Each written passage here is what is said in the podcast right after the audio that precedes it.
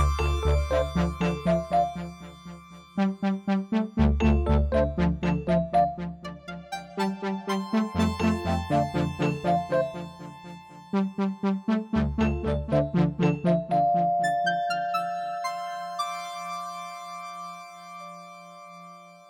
Hartelijk welkom bij de Pluimcast. Mijn naam is Chris Keijnen en in gesprekken met de auteurs praat ik u bij over al het moois dat dit voorjaar weer gaat verschijnen bij uitgeverij Pluim.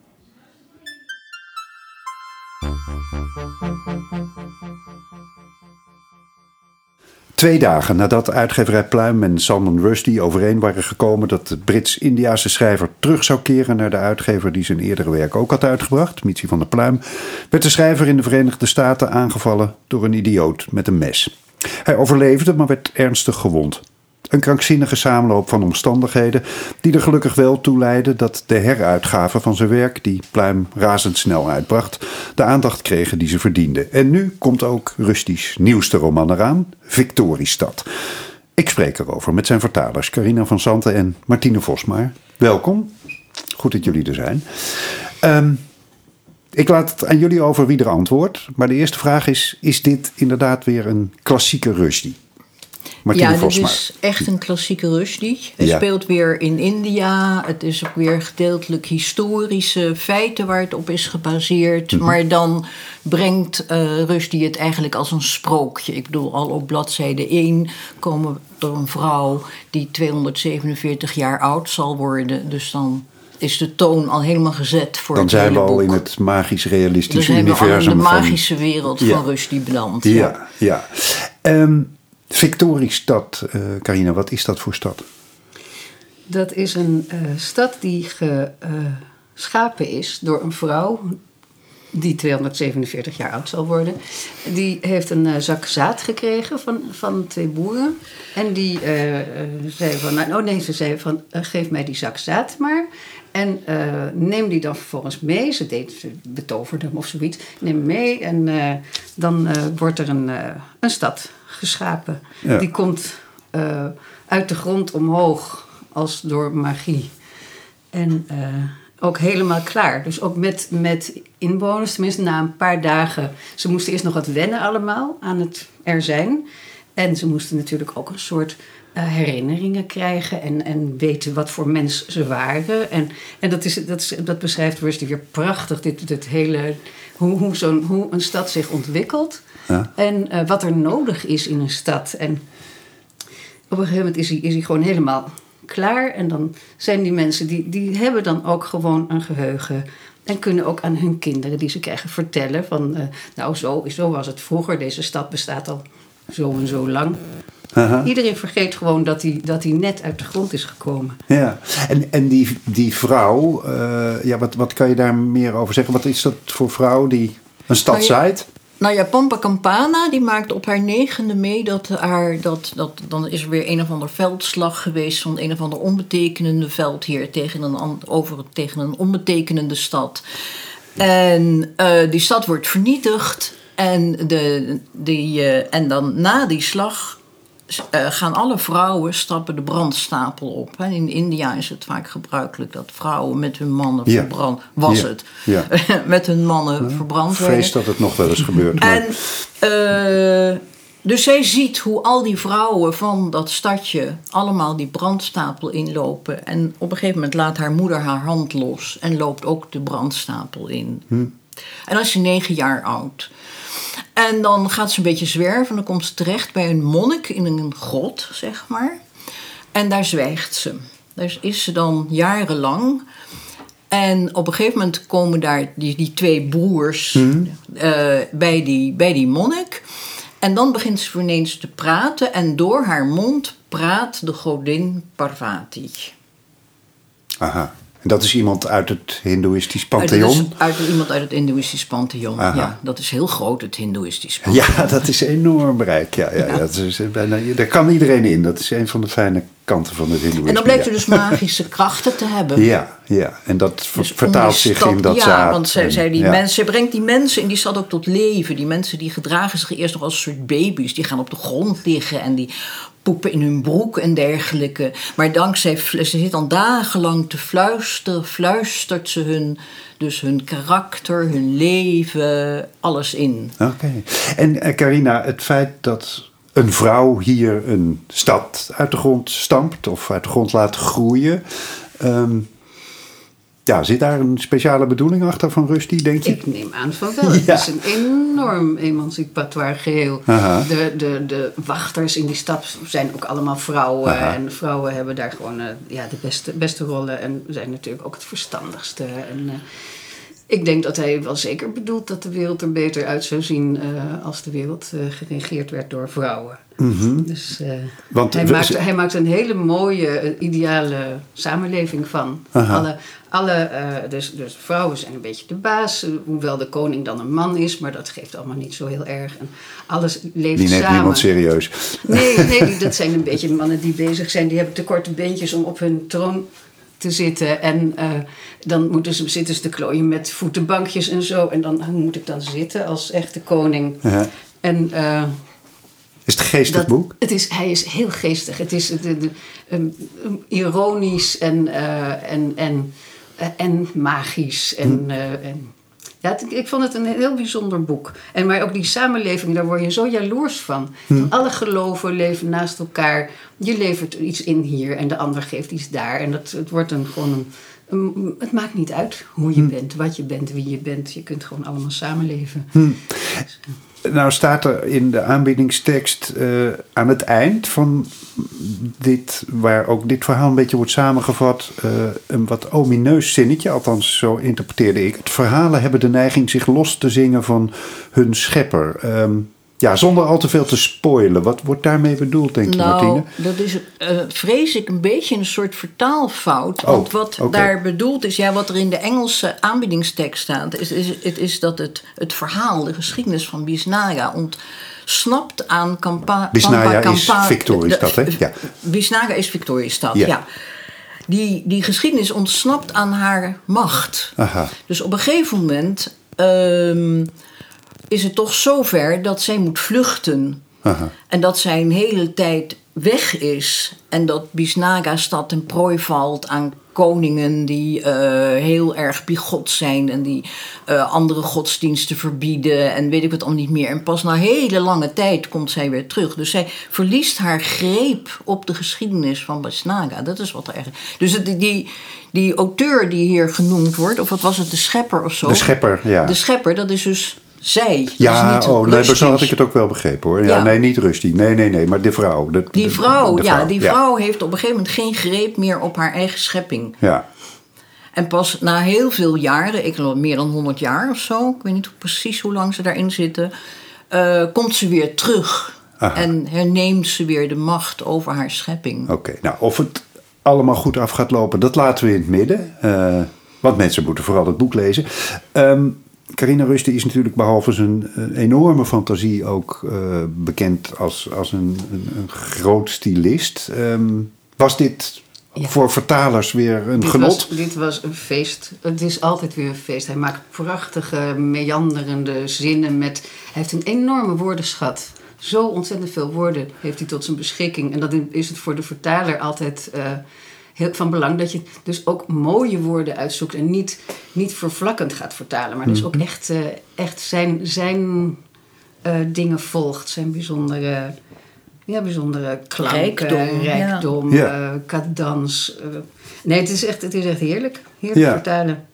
Want, nou ja, goed, er- waren mensen die eh, dachten dat Rusty, nou, uitgeschreven is misschien veel gezegd, maar dat, dat zijn nou, allergrootste eh, romans van het begin, Midnight Children, eh, nou, noem ze allemaal maar op, dat dat er niet meer in zat. Maar als ik jullie zo hoor, dan is dit gewoon echt weer Dit, helemaal is, dit is weer helemaal wat je wil als lezer van Rusty. Ja. Geweldig. Nou, we kijken er enorm naar uit. Dank jullie wel. Victoriestad van eh Salman Rushdie verschijnt op 9 februari bij uitgeverij Pluim. Tegelijk met de Engelstalige editie.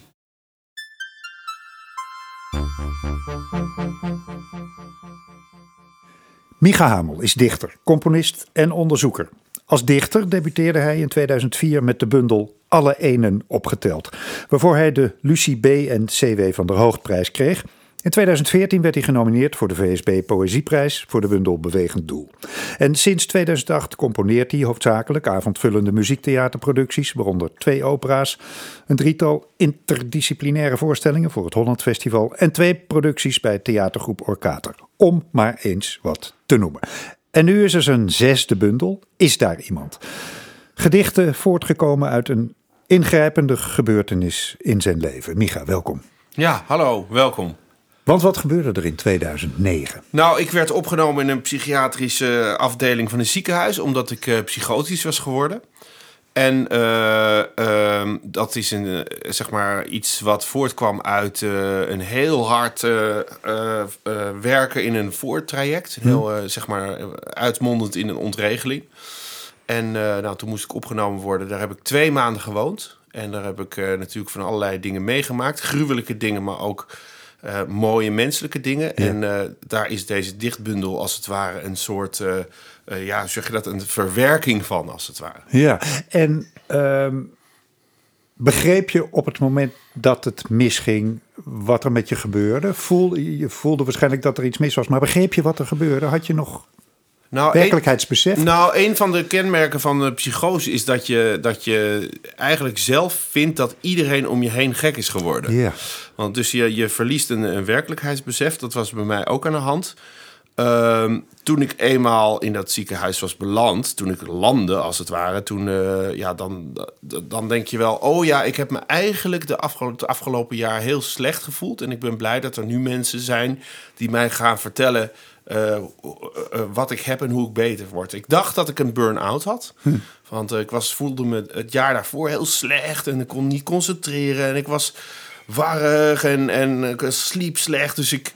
Ja, dus je denkt, jeetje, wat heb ik een, uh, wat heb ik een rot leven, wat is er aan de hand? Dus hm. dat voelde ik wel, maar ik, ik had niet in mijn gedachten dat mijn hersenen aan het, uh, aan het uh, uit elkaar vallen waren. Als het Want wat, wat, wat was je werkelijkheid in die psychose? Dus voor, eigenlijk voordat je dat besef had? Um, uh, nou ja, je ziet eigenlijk dingen die er niet zijn. Dus je ziet, uh, uh, ja, zeg maar, objecten of, of, figuren die, die niet in de kamer aanwezig zijn. Hmm. Dat is eigenlijk de, de, de, de beste versie van het verhaal. Figuren die ook tegen je spreken of zijn het alleen maar verschijningen? Nou ja, je moet, uit, je moet ervan uitgaan dat het een soort... Um, het, het is niet zo'n letterlijke wereld. Dus er hm. is er niet een letterlijke persoon die uit die mond eh, woorden spreekt. Maar hm. het is meer een soort melee van, van beelden en geluiden. Een beetje droomachtig, maar dan hm. nachtmerrieachtig acid trip-achtig? Ja, ik, ik heb, geen, idee. Ervaring ik heb, daar, oh, ik heb nog nooit niet. drugs gebruikt. En nee, dat, dat okay. schijnt ook heel slecht te zijn. Uh, als, als je, als je, als je uh, lijdt waaraan ik leid, dat is een bipolaire stoornis. Hmm. Dat schijnt enorm slecht te zijn. Dus gelukkig heb ik dat nooit van mijn leven gedaan. Hmm. Um, je bundel heet Is daar iemand? Ja. Uh, is dat een vraag die je tot de buitenwereld richt of tot jezelf? Ja, die, die gaat natuurlijk twee kanten op. Inderdaad, het is uh, bedoel, het, het, het uit een depressie komen en uit een uh, psychische ontregeling komen. Dat is, een, uh, dat is natuurlijk een zoektocht naar jezelf. Van waar, waar is het poppetje in mijzelf dat mij bemant, als het ware? Is die nog, is die nog vindbaar? krijg ik die nog zeg maar in beeld? Mag die nog groeien en welke kant op dan? En het is, dus dat is de is daar iemand die naar binnen slaat. Hmm. En. Um, hij, hij, hij, gaat ook naar buiten toe, die, die vraag als het ware. Al staat er geen vraagteken in de titel. Hmm. Expres. Um, is, Waarom expres? Kan je dat uitleggen? nou, ik maak even mijn zin af. Oh, sorry. Ik, uh, hij gaat ook naar buiten, omdat je ook in de buitenwereld... Uh, na een, een, een, zo'n periode denkt: uh, is, is daar nog iemand? Hè? Is er nog iemand voor mij? Is er nog iemand over? Iemand die op me let of van me houdt? Of dat soort, dat soort achtige. Een soort hulpvraag.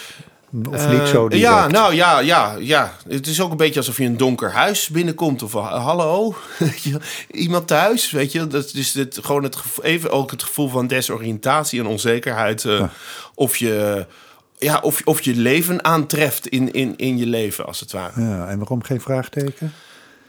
Nou, anders klinkt het een beetje naar uh, alsof je inderdaad die, die winkel binnenkomt en, uh, en de groenteman is net achter met zijn krat met bloemkool en jij wil uh, een, een sinaasappel kopen. En dan ja, schel je aan de winkelbel en dat gevoel wou ik niet. Ik wou niet. Is er iemand? Nee, nee, dat niet. Ik wou het een, een stellende, rustige, sterke toon hebben. Een Gewoon met drie woorden, ook heel cool, heel, hoe zeg je dat? Heel afgetekend als het ware. Ja. Je bent dichter, dus ik hoef niet te vragen waarom je gedichten schrijft. Maar waarom leiden deze ervaringen tot gedichten? Uh, het, uh, nou, sowieso dicht ik en maak ik kunst eigenlijk om mezelf, uh, omdat ik anders niet meer precies weet wie ik ben. dus ik vind altijd op vakantie gaan vind ik altijd heel lastig. De eerste week vind ik dat altijd heerlijk. Ha, lekker even niks doen. Tweede week nou, dan rust je een beetje uit en dan lees je een boekje. En derde week denk ik altijd, ja, uh, dan krijg je een beetje een onheimisch gevoel van, ja, dat, ja, dan zie ik iedereen in zijn eigen leven zitten. Die Italiaanse bakker die bakt Italiaanse broodjes. En dan denk ik, ja, ik wil ook in mijn eigen leven zitten. Want ik begrijp, ik raak dan, ik raak dan iets van mezelf kwijt als ik te lang niks maak, als het ware. Dus ik, ben, ik, ik produceer ontzettend veel. Ik maak veel. Ik schrijf, nou ja, wat je net allemaal hebt opgelezen. Ja. dus schrijven, componeren en doen. En dat, uh, ja, dat heb ik nodig. Dat is de digestie van het, van het doen. Dus ook deze ervaringen uh, moesten op een dag dichter worden. En de mensen die mijn werk uh, uit hun hoofd kennen, dat zijn niet zoveel, maar ik hoop dat ze er zijn. Die weten dat ik ook in eerdere bundels wel hierover heb geschreven. Alleen met ja, met iets andere bewoording of via een andere invalshoek. Dus het is niet zeg maar de eerste keer dat ik überhaupt hierover praat. Of, of over want, want, die bipolaire stoornis, ja. dat wist je al daarvoor? Of? Ja, nee, je bedoelt voor mijn opname? Ja? Nee, dat wist ik nog niet. Nee. nee. nee. Maar zeg maar in de bundels daarna komt dat thema ook terug. Alleen het is nu veel benoemder, omdat het ja, ja, ja. de hele, de hele boog oh, je van bedoelt de wel de bundels die je nadien ja, geschreven hebt. Ja, ja, oh, ja, dat begrijp ik. Ja. Dus, uh, dus daar uh, en, en, en ja, gedichten zijn. Dus ik en gedichten zijn ook heel goed om, om zeg maar uh, je denken, denken, merkwaardige denken en voelen in taal te vatten die niet helemaal discursief is, die niet helemaal zeg maar logisch vertellend is zoals je dat in een roman zou doen. Dat het is een, in, in, met gedichten kan je veel meer snelle impressies en gedachten flitsen en hele subjectieve waarnemingen die, die, die, ja, die, die op elkaar botsen of, of elkaar in de weg zitten. Is, daar is dichtkunst een heerlijk, heerlijk medium voor. Ja, dus die vorm poëzie sluit eigenlijk veel beter aan bij wat er op zo'n moment in zo'n proces in je hoofd gebeurt. Ja, je kan ook het andersom zeggen. Je kan ook zeggen, omdat ik deze soort hersenen heb, uh, schrijf ik poëzie. Omdat dat het dichtstbijste medium voor mij is. Hm. En, en je had het ook over alles wat je daar meegemaakt hebt. En dan neem ik aan dat het niet alleen gaat over wat je in je eigen hoofd... Ja, je, moet, je maakt alles in je eigen hoofd mee natuurlijk. Maar, maar ook wat je daar gezien hebt met, mhm, met mhm, andere mhm. mensen. Kan je daar iets over vertellen? Wat voor soort ervaringen leiden dan tot een gedicht? Um, nou, in de... In de bijvoorbeeld, je hebt de, de, de, dokter die langskomt. En dat is een, een cyclus in de bundel zelf. En die heette Daar heb je die vrouw weer. Uh, want in het begin was ik zeg maar zo gedesoriënteerd dat ik ook... Ja, daar komen de mensen naar je toe en die, ja, die doen iets. Die zetten een paar sloffen neer of een glas water. En dan is er ook iemand die vraagt hoe voel je. En eigenlijk ben je, uh, was ik zo gedesoriënteerd dat ik eigenlijk ook niet echt wist wie dat waren. En die hm. verdwijnen dan weer, die lopen dan weer de deur uit. denk je, nou, geen idee. Dus dan op een gegeven moment, weet je, zoiets, zo'n zo'n waarneming die super subjectief is, die komt, uh, ja, die komt zo terecht. Maar hm. er is, ook, er, zijn ook, eh, er is ook een cyclus die gaat over voetbal kijken met z'n allen. Dat deden we altijd op de zaal. Je hebt van die zaal, je hebt een eetzaal en, ja. en een, een, gezelschapszaal. En dan gingen we voetbal kijken. En uh, in het begin snapte ik daar ook niet veel van. Zag ik de mannen door het beeld rennen met een bal. En geen idee wat die mensen aan het doen zijn. Was je daarvoor wel een voetbalkijker? Ja, ook? ja, ja, zeker, zeker, zeker. Maar je wist gewoon niet meer wat het was. Nee, ik wist niet, niet, niet. Nou, ik kon niet echt bijblijven dat je denkt: hé, hoe zit het nou? Wie. Uh...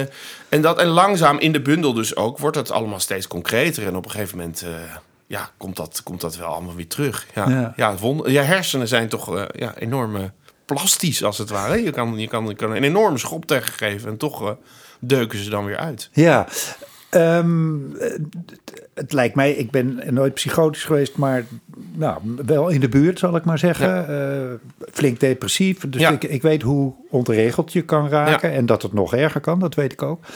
Eh, Ik vond dat een buitengewoon angstige en eenzame eh, ervaring. Is het daarmee een zware bundel geworden? Ehm, nou, ja, gedeeltelijk. Ja, ja, ja, weet je, ik probeer het eigenlijk eh, zo te denken dat het zich ook, zeg maar, voorbij dit soort categorieën eh, begeeft. Dus je hebt het, eh, de, de categorie van goed en kwaad is denk ik niet meer van toepassing. En de, de, de categorie zwaar of licht, dat zijn niet meer categorieën waar, waarbinnen je dit werk hopelijk kunt begrijpen. Omdat het, omdat het gaat, denk ik, over de gelijktijdigheid en de afwezigheid daarvan, als het ware. Dus er zitten absoluut hilarische gedichten eh, in. Eh, dat er een leeuw door de gang loopt. Of dat eh, iemand tijdens het eten ineens iets raars roept. waarvan iedereen zegt: Houd je bek, we zitten te eten. Weet je wel, van, van, die, van, die, van die knullige en gekke momenten die je, ja, die je ook meemaakt als je met z'n allen op een, eh, een busreis, op schoolreisje Ja. gaat. Weet je, dat, weet je, dat schoolreisjesgevoel zit, zit er ook in van wat doe ik hier? En daar heb je daar heb je Casper en daar heb je Gerda en daar heb je Marloes. En daar moet je het mee doen. Dat is je context, dat is je leven. Dus daar zitten absoluut eh, petit histoires in. Dus eh, kleine scènetjes van, van, met, met, met lol. Maar, er zit, maar goed, er zit net zo goed de, ja, de, de afgrond in de, de ontregeling, de, de, de- dat, ja, dat wat je, dat, dat wat je niet nog een keer wil meemaken, laat ik Ja. het zo zeggen. Nee. Je gebruikte geloof ik in je allereerste antwoord het, het woord verwerken. Eh, hoe letterlijk moet ik dat nemen in die zin? eh, heeft, het je, heeft het je ook nog geholpen om die gedichten erover te schrijven? Of was dat niet meer nodig? Eh, nou, het is wel zo dat ik me sinds een jaar of... wat is het? Sinds een jaar vier, vijf voel ik me echt wel, zeg maar, sterk en goed. Eh, een soort van beter, zou ik maar zeggen. Een soort van genezen tussen aanhalingstekens. Ja. Dus zeg maar wel zo goed dat ik dit kan schrijven. Want als ik er, zeg maar... Die eerste acht, negen jaar had je dat niet gekund? Eh, nou, misschien... Nee, nou, dat, dat weten we, zullen we nooit weten. Maar... Eh, nou, ik had in ieder geval niet de behoefte om er zo, zo uitgebreid en, en zo'n interview over te geven. Weet je wel, daar had ik, dat, had, dat was nog meer van. eh, dat was brozer als het ware. En ik heb, ik heb nu wel dus een soort van sterkheid, waardoor ik eh, het totaal oké vind om, om dit in de wereld te zetten. Ehm, verwerken is natuurlijk altijd. ehm, ja, dat is een therapeutische term. En het klinkt. Het is niet zo dat ik het maak om het te verwerken. Of dat ik het door het te maken iets verwerkt heb. Wat ik wel kan zeggen is dat ik me. Dat ik een soort van blij ben dat ik het eh, geschreven heb. Dat ik denk, zo. Nou, dan hoef ik. Maar dat doe ik, doe ik eigenlijk ook weer met alles. Maar dat is misschien een beetje een ander verhaal. Maar dat ik er blij ben dat ik er vanaf ben. Dat ik denk, nou, dit heb ik verteld. Zo. Ja. Dus het geeft, het geeft wel een soort verlichting. Ja. Ik weet niet of dat verwerken is. Of eigenlijk subconscious nog, nog iets doet met verwerken. Maar dat weet ik niet. Nee, nou, het, het, het lijkt mij een, eh, een win-win situatie voor jou en eh, voor, voor de lezer straks. Ehm, hartelijk dank. Is daar iemand van Micha Hamel? Verschijnt in februari bij uitgeverij Pluim.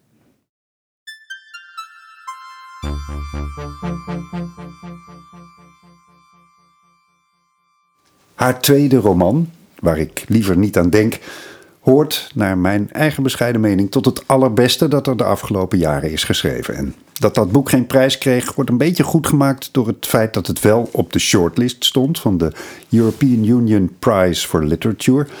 Zoals ook eerder werk van Jente Postuma al nominaties in de wacht sleepte. Dus Jente, fijn dat je er bent. Dank je.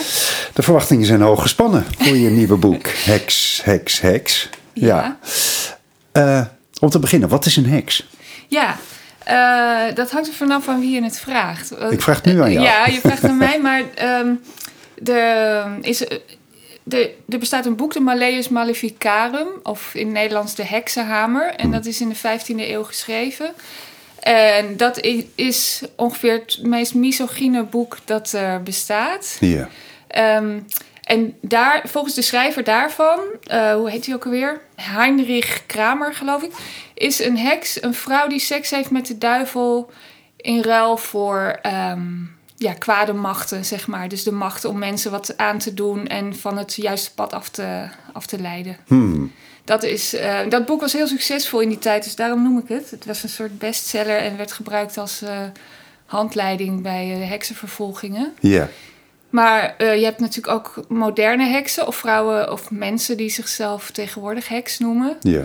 En dat zijn meer mensen die ehm, ja, na- natuurreligie aanhangen.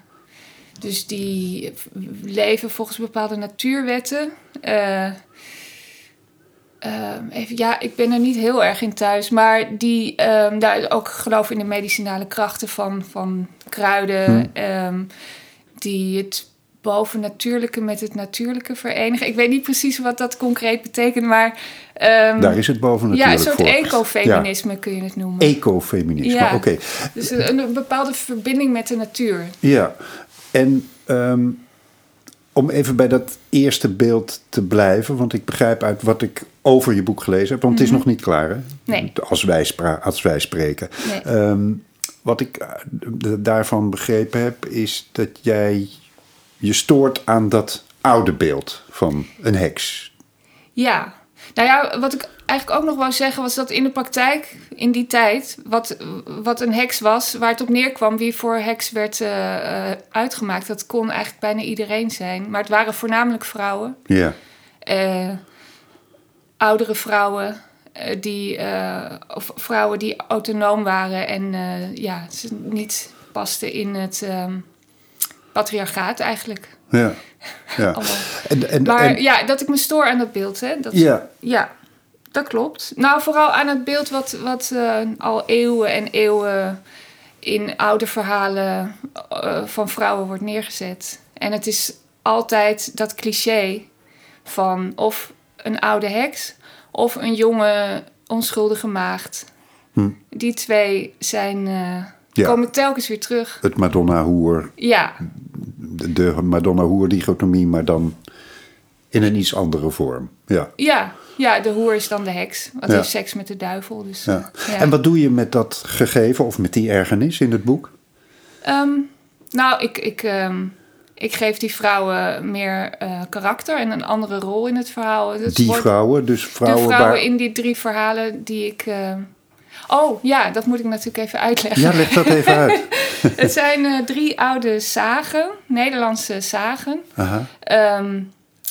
die ik hervertel. aha. Dus eh, ik, ik maak er een eh, eigen versie van. En eh, in die drie verhalen, de oorspronkelijke verhalen, maar er zijn heel veel van dat soort verhalen. Dus ze lijken vaak ook een beetje op elkaar. Maar het zi- zijn, de, zijn er dus maar twee rollen voor vrouwen, of heks of maagd. En ze, allebei die ehm, rollen zijn altijd in relatie tot de man in het verhaal. Dus de heks leidt hem van het goede pad af en de maagd moet hem weer op het juiste pad brengen. En nou, ik vertel die verhalen nou, niet alleen vanuit de vrouw, maar vanuit meerdere perspectieven. Maar ik maak die vrouwen wat minder plat. En het, in mijn verhalen zijn het eigenlijk gewoon mensen. Doe maar. ja, ja. Eh, met tegenstrijdige eigenschappen. Ik geef ze gewoon wat meer diepgang. Ja, ja. En, en nog even iets meer over die verhalen, want dat zijn klassieke verhalen. Wat, wat, wat Ja, kan je erover zijn, zeggen? Ja, oude volksverhalen. Deze drie verhalen spelen zich alle drie in, eh, in Salland af, of Oost-Nederland. Ja, op de hei. Ehm, ze zijn ooit door eh, Jozef Cohen eh, opgetekend in het begin 20e eeuw. Die, hij heeft ze gepubliceerd, maar het zijn verhalen die van mond tot mond mond. het was een, eh, or- een ja, orale traditie. Ja. ja oké. Ja. Ja, ja. En ehm, ja, waarom vind je dat belangrijk om dat te doen? Omdat het heel belangrijk is om niet in het verhaal van een ander eh, voortdurend te worden neergezet. Hoe heet ze? Chimamanda Ngozi Adichie, die heeft een heel beroemde TED-talk over... Nigeriaans-Amerikaanse schrijfster, ja. Ja, een heel beroemde TED-talk over ehm, het gevaar van het eenzijdige verhaal, heet het geloof ik. Of the, the danger of the single story. En, en daarin zegt ze ook dat, het, ehm, dat als, je, als het steeds maar weer hetzelfde verhaal over je wordt verteld, da- dan, dan word je ook die persoon, zeg maar. Mhm. Eh, en het is belangrijk om er andere verhalen tegenover te stellen die ehm, een andere kant laten zien. Mhm. Omdat het je ook je, je macht ontneemt als je steeds eh, door een ander gekarakteriseerd wordt. Zeg Ja, maar. ja, en daarbij bedoel je, want de vrouwen in kwestie uit die verhalen, ja, die, eh, die zijn er niet meer, voor zover ze er ooit echt zijn geweest. wat ze natuurlijk ook niet weten. Maar, eh, maar je bedoelt daarmee ook dat, dat er zo'n beeld van de vrouw is geweest, wat door de eeuwen heen eh, is blijven bestaan, dat dat ook iets doet met eigenlijk alle vrouwen van nu? Ja, en het is heel hardnekkig. En Mhm. die, die, die Malleus Maleficarum, of die Heksenhamer, dat boek, dat is echt een heel dik boek. Ik heb het gekocht, het was ook nog eens heel duur. Dus ik heb echt een heel vrouwonvriendelijk boek. Heb ik Ga je allemaal geld voor terugverdienen met betaald. dit boek? Maar eh, die schrijver die put ook heel erg uit de, oude, uit de Griekse mythologie, waarin natuurlijk ook al dat soort vrouwbeelden bestonden.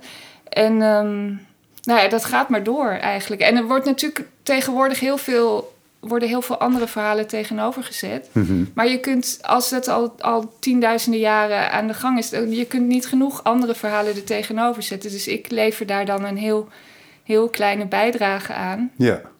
Het is ook grappig. Ik zag laatst een documentaire over Abel van Gelswijk. eh, ja, de zanger van frontman Hang Youth. van Hang Youth, ja. En eh, die zei: Alles is gelul. En je moet je daar bewust van worden dat alles gelul is. En dan kan je er je eigen gelul tegenover zetten. en Ja, eh, ja, Woordkeuze is misschien niet helemaal toegepast op dit verhaal, maar... nou ja, waarom niet? ik anyway, vind het wel ja. goed. Dus dit is mijn, mijn gelul, zeg maar. Ik, ehm, ik zet mijn gelul tegenover al het andere gelul, wat ook maar gelul is. Ehm, ja, hij zei ook van, ja, je moet beginnen bij het oergelul. En die zagen zijn voor mij dan het oergelul. Ja, En eh, ik ben een van de vele mensen die daar nu eh, ander gelul eh, aan toevoegt. oké. Modern heksengelul. Ja, Hartstikke goed. Ik ben heel erg benieuwd. Heks, Heks, Heks van Jente Postuma verschijnt in maart bij uitgeverij Pluim. Dankjewel. alsjeblieft.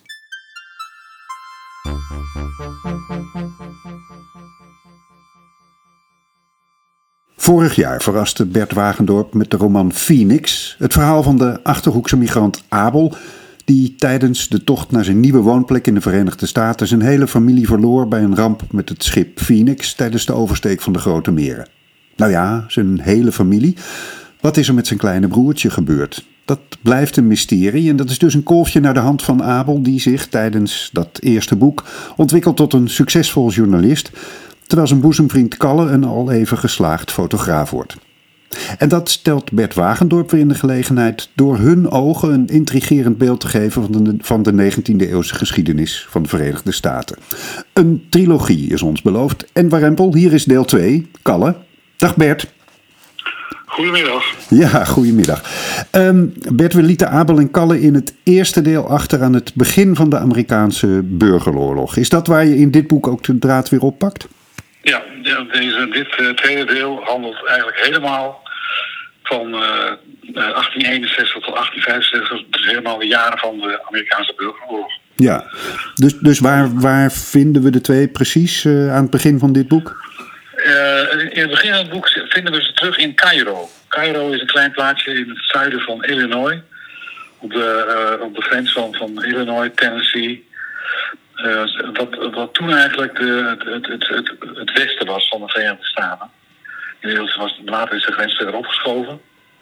Maar eh, we vinden ze daar terug omdat eh, in het begin van de burgeroorlog werd, werd die vooral uitgevochten daar in het, in het westen, langs de Mississippi en langs de Tennessee. Mhm. De bedoeling was namelijk om, om, het, om het zuiden economisch min of meer te wurgen. Dus dan moesten we eerst daar eerst de controle krijgen over die twee rivieren. En daar vinden we Abel en Kalle terug. Ja. En daar zijn is later, beroemde eh, veldslagen zoals die van eh, Shiloh zijn daar uitgevochten. Ja, ja want dat, dat zagen we aan het eind van het vorige boek al een beetje aankomen. Ze zijn echt eh, oorlogsverslaggevers geworden, hè? Ja, Abel die reist voor de New York Herald naar het westen. En Kalle die reist voor, voor de New Yorkse fotograaf eh, Matthew Brady. Die eh, in die tijd een aantal eh, van die fotowagens had uitgerust. In totaal werden er uiteindelijk 17 wagens. Waarmee hij de bedoeling had om, om, die, om die oorlog on the spot vast te leggen. Ja. Dus aan de hand van, van, van fotografen die naar de slagvelden gingen en, daar, en dan de, de resultaten van hun werk naar New York sturen. Ja. En dat doet, dat doet Kalle dus ook. Ja, en ehm, nu heet dit tweede boek eh Kalle. Betekent dat ook dat in het verhaal het perspectief meer naar, naar de figuur Kalle verschuift? Of heb je een andere reden voor deze titel? Nou, de reden is eigenlijk dat, eh, dat, dat er een hele belangrijke rol is weggelegd voor Kalle in dit boek. Het is niet zo dat het perspectief blijft bij, eh, bij Abel. Het is natuurlijk een, een, het zijn memoires. Dus, die hij in, in rond 1935 zei, zoals hij al een hele oude man is. Dus het blijft wel bij, eh, bij hem liggen. Maar ik vond eh, de rol van Kalle zo, eh, zo belangrijk dat ik dacht, dit, dit deel verdient het wel om Kalle te gaan heten. En waarom wordt die rol zo belangrijk? Nou, hij, ja, dan, ik, dan, dan, dan ga ik dingen verklappen. Kijk, Ik laat de spoilers voor, je, voor, voor jou. jij kan bepalen wat spoiler is en Ja, wat niet. Dus ja. Nou, ik, aanvankelijk dacht ik van in het tweede deel moet er iets dramatisch gebeuren. Ja. En Het eerste wat me te binnen schoot was eh, Kalle die, eh, die het niet overleeft. Nou, dat, dat, dat, ik, dat, dat kon ik niet over mijn hart krijgen. maar maar eh, er gebeuren wel, wel ernstige dingen met, met hem. Ja, Meer, oké. meer wil ik niet eh, zeggen. Nee, dan laten we het daarbij. Ehm, in, in Phoenix kwamen eh, allerlei, dat, dat, dat is de structuur van je roman ook, hè, eh, de allerlei historische figuren voorbij, zoals Walt Whitman en eh, de, de, de, de beroemde Amerikaanse dichter en James Gordon Bennett, de- de hoofdredacteur van, van de krant die je net al noemde, de Herald. Ehm, ja, spelen die figuren en, en andere historische figuren ook nu weer een belangrijke rol? Zeker, zeker. Eh, in, in Cairo, eh, daar is op dat moment een, eh, een, wisseling van de wacht in, het, in het leger aan de hand. En daar neemt Ulysses Grant het, het bevel over de, de westelijke troepen over. Nou, Ulysses Grant is, is zoals jullie bij jou wel bekend, de latere president en de, de- eigenlijk misschien wel de belangrijkste noordelijke generaal in, het, in de burgeroorlog. Ja. Dus hij, die, die, die, komt, die komen we tegen. Aha. Maar ook, eh, ook eh, eh, de, de, de New, Yorkse thea- New Yorkse en Washingtonse theaterwereld. Er komen ook een aantal figuren uit, die, uit die kringen. Oké, wat, Dus wat, ja. Ja, zeg ga je gang? wat trok je daarin aan, in die theaterwereld? Want ja, ik bedoel, j- Nou ja, jij laat dat ze daar terechtkomen. Dat, dat, dat kwam een beetje zo uit. Eh, Abel die ontmoet een, een vrouw de- in, in, de, in de tweede deel, een Chinese. Die erg eh, gegrepen wordt door de, eh, door de New Yorkse ja, theaterwereld. En toen dacht ik van ja, eh, wacht even. president Lincoln, die wordt in april eh, 1865, eigenlijk een week of negen dagen nadat het, het, de, de vrede is getekend, wordt hij doodgeschoten in een, in een theater in Washington. Ford Theater. Ja. Dus daar kon ik mooi die link leggen. Dat zij, eh, en dat, dat, dat, eh, dat gebeurt, dat, dat toneelstuk wat, wat ze dan, eh, de, die English Cousin heette dat, Ja. dat wordt op het toneel gebracht door een, een Engelse vrouw, Laura Keane. En ja, da- daar, daar is Sandra net bij in dienst. Het is allemaal erg toevallig, maar Oké. het is, het is, Ja, het is, nee, het ja, is goed. wel zo. Je, weet, je weet hoe het is. Hè? Het leven zelf is soms zo toevallig dat geen schrijver zich eraan zou durven branden. Nee, dus, daarom, daarom. daar, daar, dat, eh, dat nu ook weer zo. ja, ja. Ja. Ik, ik vroeg me af, want er wordt in, in de, aanbiedingstekst dan eh, over het eerste boek. En nou, ik, ik- als lezer kan ik dat bevestigen. eh, verwezen naar het feit dat wat je over het 19e eeuwse Amerika zegt, dat, ja, dat daar ook echo's in doorklinken die, die wij nu ook nog horen in deze tijd. Ehm, Ja. Bij die burgeroorlog, hè, die Amerikaanse burgeroorlog. Ik vroeg me af, als je dat zit te schrijven, die veldslagen. En het waren niet echt loopgraven, geloof ik, in, in die oorlog. Maar die waren er wel, maar dat, dat, dat, gebeurde eigenlijk nauwelijks. Nee. Ze groeven zich niet in. nee. Maar dringt dan ook zoiets als bijvoorbeeld de, de, oorlog in Oekraïne je hoofd binnen als je aan het schrijven bent? Ja, nou ja, het, eh, het was een, eh, eigenlijk een vrij moderne oorlog. Het was, eh, het, het was eigenlijk de eerste keer dat er echt op, op grote schaal werd, werd gemoord. Of, of, of gedood, hoe, hoe noem je dat in een oorlog? Ja. Maar daar, eh, eh, dat, is, dat is, het was de, de, de eerste oorlog waar al industrieel gewoon heel veel mensen, eh, in, in totaal schattingen lopen uiteen hoor, maar tot eh 700.000 eh, soldaten zijn omgekomen in die, in die vier jaar. Dat is echt heel veel. Ja. En dat, dat, is, een, dat is wel een. een dus ik kan, heel, ik kan goed, goed kanttekeningen plaatsen bij. ja, bij wat, wat, wat, wat, wat, doen ze daar nou eigenlijk? Ze, hebben, ze hebben een conflict. Ze hebben een, dat is een economisch conflict vooral. Een conflict over slavernij wordt het, wordt het later. En, eh, eh, en, en, en, dat leidt ertoe dat ze op zo. Het is eigenlijk een, een- een voorafschaduwing van de Eerste Wereldoorlog, zou je het kunnen noemen. Ja. Dat, dat, dat, dat enorme eh, moorden op grote schaal. Ja. Dankzij technologische de ontwikkeling natuurlijk. Ja, En- dankzij ja. de modernisering. Je had bijvoorbeeld een, Ja. er een nieuw, een nieuw soort kogel, maar die was zoveel beter en zoveel. eh eh, daar konden ze zo, zoveel beter mee mikken. Dat het eigenlijk. eh, het, het, het oude oorlog voeren met de bajonet. Ja. Dat, dat stuitte op, op een aantal soldaten die daar aan de andere kant lagen. Ja. En eh, als, we nog, als we nog druk bezig waren met, met, met de bestorming, dan lagen ze al op de grond. Ja. Ja, dat die en, kogel veel beter was. Dus dan kan je zien hoe, hoe, hoe dat. Hoe, hoe die, die ontwikkeling van die wapens eh, het, eh, de, de hele strategie veranderde. ja, precies. En, en als je dan realiseert dit, dat dit al meer dan 100 jaar geleden is, dan is die oorlog in Ja. Oekraïne weer angstaanjagend ouderwets, eigenlijk.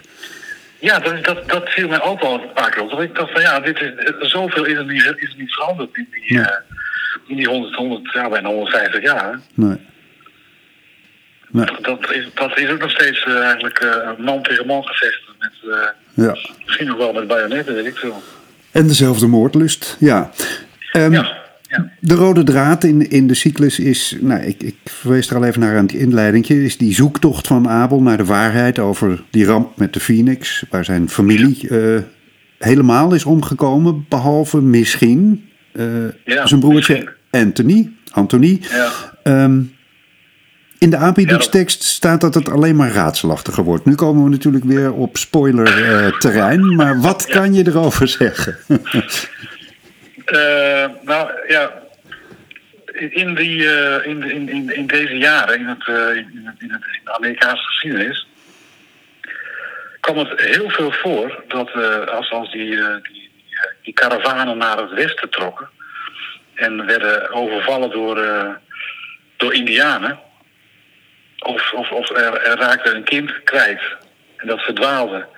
Dat, dat die kinderen werden opgevoed door die Indianen ook. Die Indianen waren- hanteerden de, als zij, als zij eh, eh, mensen waren die, waar mensen hadden die eh, waren omgekomen bij, bij het eenhallige gevecht, dan eh, pakten ze gewoon een, een, eh, een blank, blank kind en voerden dat op alsof het, eh, alsof het van, hun- van hunzelf was. Het is een heel vaak voorgekomen dat die, de blanke ouders die dat kind kwijtraakten, uiteindelijk het kind weer opsporen.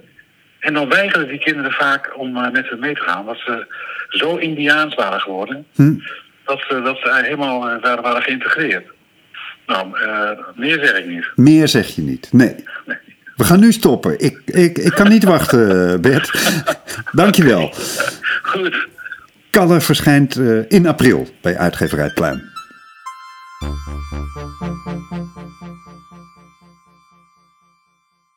Zov, een Russische soldaat in Poetins corrupte oorlog, verscheen in eerste instantie als een internetpost. Begin augustus 2022 zet de Russische soldaat Pavel Filatjev een document online waarin hij verslag uitbrengt van die oorlog in Oekraïne. Hij beschrijft hoe hij twee maanden in Oekraïne vocht en vertelt over het tekort aan voedsel en medische zorg, de slechte staat van het materieel en het gebrek aan een strategie binnen het Russische leger. De jongens zijn op zichzelf aangewezen en krijgen weinig mee van dat wat zich in andere gebieden afspeelt. Nu is die tekst er als boek en ik spreek erover met slavist, voormalig correspondent in Moskou en excerptboeken van de NRC als mede pluimauteur Michel Krielaars. Dag Michel. Dag Chris. Zov, waar staat dat voor? We hebben er lang over gedacht om erachter te komen. We dachten eerst dat het stond voor eh Zapad West, de Z voor Zapad. We trekken op naar het westen. Aha. En, eh, Die zet hij ook op de die zet Russische hij op de tanks. ziet. Het zijn natuurlijk Ja. altijd in oorlogssituaties. Ik ben in meerdere oorlogssituaties geweest met het Russische leger. En dan zie je altijd dat op die, op die panzervoertuigen, die tanks, altijd een teken staat. Zodat Hm. ze zien, wij horen bij elkaar, dat ze niet op elkaar gaan schieten. Nou, het Russische eh, eh, ministerie van Defensie kwam er op een gegeven moment achter dat er heel veel giswerk was. En toen hebben ze gewoon openbaar gemaakt waar het voor zou staan. Z stond voor Za Pabiedu, voor de overwinning, op naar de overwinning. En het andere was V, hè, v, eh, Pravdje. Eh, voor de waarheid. Hmm. Dus daar, dus hebben er volgens mij iets bij uh, verzonnen. En waar die over staat, is mij niet heel erg duidelijk geworden. Waarschijnlijk de verbindende het, letter, dat klinkt. Ja, om het uitspreekbaar om het te uitspreekbaar maken. Te ja, oké. En het, het, nu, ik vertelde er al iets over, maar wat is dit voor boek? Nou, het is eigenlijk het verslag van een, eh, van een veldtocht van een Russische militair. En eh, die Filatjev is een beroepsmilitair die bij een eh, luchtmobiele brigade, zoals wij het zouden noemen, beroepsmilitair was. Vocht, hij, was in, hij is ooit begonnen in Tsjetsjenië, komt uit een militaire familie. Zijn vader was legerofficier en dat, dat is altijd een, middel om carrière te maken voor arme mensen in Rusland. Je werd overal overgeplaatst, je kwam nog eens ergens en je maakte geleidelijk aan carrière en je kon zelfs eindigen als generaal. Nou, eh, hij heeft het een, eh, in Tsjetsjenië gevochten. Hij is daarna paardentrainer geworden voor rijke Russen en heeft een baan gehad in de vleesverwerkende industrie. Ook toepasselijk voor een militair. En eh, had geldproblemen en is in 2021 weer in het leger gegaan. Als soldaat. Als soldaat, maar wel als een soort commando eh, Ja. eh. Dus echt een, een, een, een, een goede vechter. En hij was gelegerd op de Krim. En hij kreeg het bevel om eh, ten strijde te trekken. Om Gerson in te nemen. Onder het voorwendsel dat Rusland zou zijn aangevallen. Nou, hij, hij gaat vechten. Het is totale chaos. Zo werd het hem verteld. Zo werd het hem verteld. Rusland wordt aangevallen. Eh, wij moeten ons vaderland verdedigen. We trekken ten strijde. Nou, dan ga je vanuit de Krim via dat, eh, die landengte Oekraïne binnen. Ze wisten natuurlijk helemaal niet waar ze waren. Want Hm. die, het is een grote duisternis in een oorlog. Hè, er zijn de officieren die weten, die hebben het kompas, zullen we maar zeggen. En ze werden ergens heen gestuurd en het bleek de stad Gerson te zijn. Nou, en dan blijkt dus eh, de totale chaos die daar uitbrak. Want ze, hadden geen, ze waren niet bevoorraad, deze legereenheden. Ze hadden wapens die niet werkten. Hij had zo een verroest geweer. En je weet uit je eigen diensttijd dat als je geweer verroest is... dan gaat die kogel niet door die loop. Dus dan kan je geweer ontploffen in je Ik was te gezicht. lang, ik mocht niet. Nou ja, zo gaat het dus vaak. Dus het was, het was, ze waren niet goed uitgerust. Ze, hadden, ze waren niet bevoorraad. De legervoertuigen reden niet, want die hadden al veel te lang stilgestaan. Dus die banden, eh, eh, dat rubber, dat, dat was versleten en die gingen kapot. Dus het leger kwam niet vooruit en dat liep vast. Ze hebben Gerson ingenomen. Daar is hij getuige van geweest. Hij heeft eraan meegedaan. Hij heeft ook champagne eh, staan zuipen met zijn kameraden. Maar hij zag ook hoe ze als beesten tekeer gingen. Hij, heeft het dus, hij vergelijkt het in dat boek. Hij heeft een hele literaire stijl. Het is een goed opgeleide jongen. En je ziet dat hij heeft literaire parallellen. Hij vergelijkt het met de, eh, de plundering van Rome hè, door de barbaren. En zo gingen zijn strijdmakkers ook die keer. Die stormden die huizen binnen. Die stalen alles wat los en vast zat. Eh, namen computers mee. eh, plunderden de ijskasten. Nou, je hebt zelfs beelden gezien dat wc-potten op een gegeven moment werden meegenomen. En dat waren door andere, een, was door andere eenheden. Het was totale gas en hij was, was diep eh, gechoqueerd daardoor. Hij was gechoqueerd. Ja. Ik bedoel, want je je zegt ja, hij dronk zelf ook champagne en hij was een beroepssoldaat. En hij dacht misschien toen nog, wij zijn aangevallen dus. Ja. Maar op dat moment, kwam hij erachter Hmm. dat niet zij aangevallen werden, maar dat zij Oekraïne aanvielen. Dat zij Oekraïne de oorlog hadden verklaard, waren binnengevallen en daar als beesten tekeer gingen. Hmm. En dat was voor hem een keerpunt in zijn denken. En op dat moment, hij is toen gewond geraakt, hij heeft 30, meer dan een maand gevochten.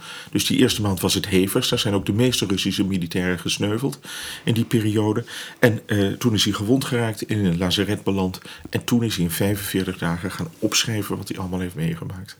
En dat is een, een huiveringwekkend eh, verslag van een soldaat in een oorlogssituatie die beschrijft hoe groot de chaos is. En voor ons is het interessant, omdat je voor het eerst ziet dat het enorme leger van 150.000 manschappen, Ja. hè, dat, dat Oekraïne had omsingeld, dat het zoals de Sovjet-Unie ook was, een reus op leme voeten was. Het stelt helemaal niet zoveel voor. Nee, nee.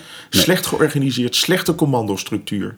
Ja. Alles wat mis kan gaan, gaat mis aan deze kant. ja. En nou hebben we daar natuurlijk sindsdien, want dit was in het begin van de oorlog, uh, sindsdien hebben we daar al steeds meer over gehoord, over die, die dysfunctionaliteit van het Russische leger.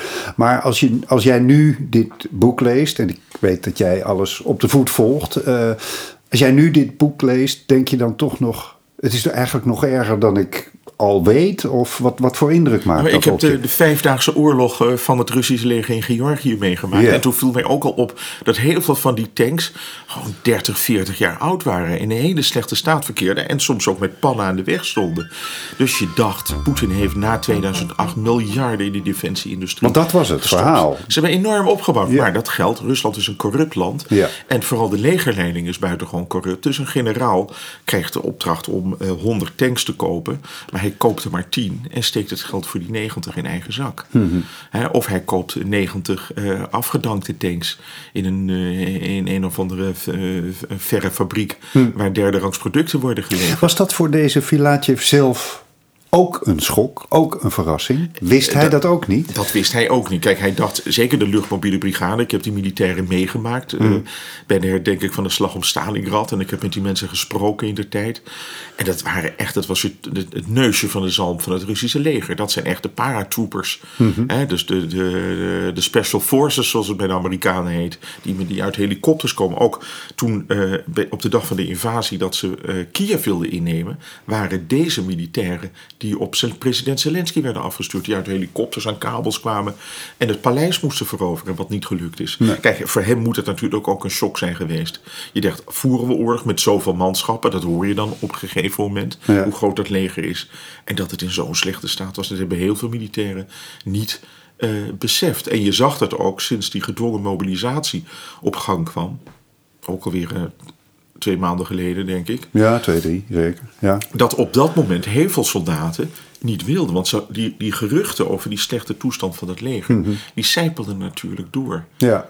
Nu is er dus een boek, terwijl het verhaal online heeft gedaan. Is dat, is dat één op één hetzelfde? Heeft hij het nog aangepast voor het boek? Nou ja, hij heeft, hij het op eh, zeg maar het Russische eh, Facebook, dat heet V-contacten. Dat is een scholierenwebsite uiteindelijk. Daar heeft hij 141 eh, bladzijden gepubliceerd. En dat is volgens mij het hele boek. Ja, ja. En eh, ik, ik sprak toevallig eh, een paar dagen geleden zijn agent. Dat is een Israëlische beroemde literaire agent, Deborah Harris. En die was ontzettend blij dat ze het had. Zij zei ook dat dit van een hele grote literaire kwaliteit was. En dat is het ook als je het leest. Ja. Ik dacht, de soldaten is wel heel slecht Russisch. Pastovsky-achtige kwaliteit? Of, Ja, ja, Tolstoy-achtige kwaliteiten die de Krimoorlog heeft meegemaakt en daar verslag van doet. Het is echt het verslag van een, het verhaal van een gedesillusioneerde militair Ja. die daarover durft te schrijven. Want dat is natuurlijk, daarna is hij gewoon nog in, in Moskou geïnterviewd in een cafeetje door de correspondent van The Guardian. Terwijl je denkt, die jongen kan zo opgepakt worden ja, en eh, twintig jaar de bak ingaan of zo niet vermoord worden. ja. En waar is hij nu? Hij is in Frankrijk. Eh, ik vroeg het aan Deborah Harris. De, de, het boek is nu voor het eerst in Frankrijk verschenen, geloof ik. Deborah Harris wilde niet vertellen waar hij uitging. Hij zit in feite ondergedoken, want hij moet natuurlijk bang zijn voor de wraak van Poetin, zoals dat heette, voor de FSB. Die natuurlijk, zoals we weten, overal in het buitenland eh, iemand, een afvallige, kan vermoorden. Ja. En het zou natuurlijk heel goed kunnen dat dit een straf is, want er zijn natuurlijk al een paar gedeserteerde Russische militairen eh, op een akelige manier mishandeld. Zoals Ja. we een tijdje geleden hebben gezien, iemand uit de Wagner-groep, de huur, het huurlingenleger van Poetin. Daar is iemand die eh, ze weer in handen hadden gekregen, die was gedeserteerd. Die hebben eh, gefilmd terwijl hij met een voerhamer de hersens ingeslagen werd. Ja. Weten we iets over wat het effect van die 140 pagina's online zijn geweest in Rusland? Nou ja, kijk, dat, dat V-contacten, ik weet eerlijk gezegd niet of dat eh, nog open is. Ik weet dat dat, eh, eh, hoe heet dat, YouTube, ik weet dat YouTube open staat. Telegram natuurlijk. Telegram. Dus het wordt natuurlijk door heel veel Russen die in het Westen wonen, die delen dit en die, die spelen door. En het wordt ongetwijfeld gelezen. Maar ik weet, mijn jonge vrienden in Moskou, die willen eigenlijk zo min mogelijk van dit soort gruwelijkheden weten, want dan voelen ze zich nog machtelozer. Want ze dit gebeurt in onze naam, we schamen ons diep en we kunnen er niets aan doen. Nee. Nou ja, deze Pavel heeft eh, er in ieder geval aan gedaan eh, wat hij kon. En dat kunnen wij nu ook lezen. Dankjewel, Michel. Eh Zof van Pavel Filatjev verschijnt in april bij uitgeverij Pluim.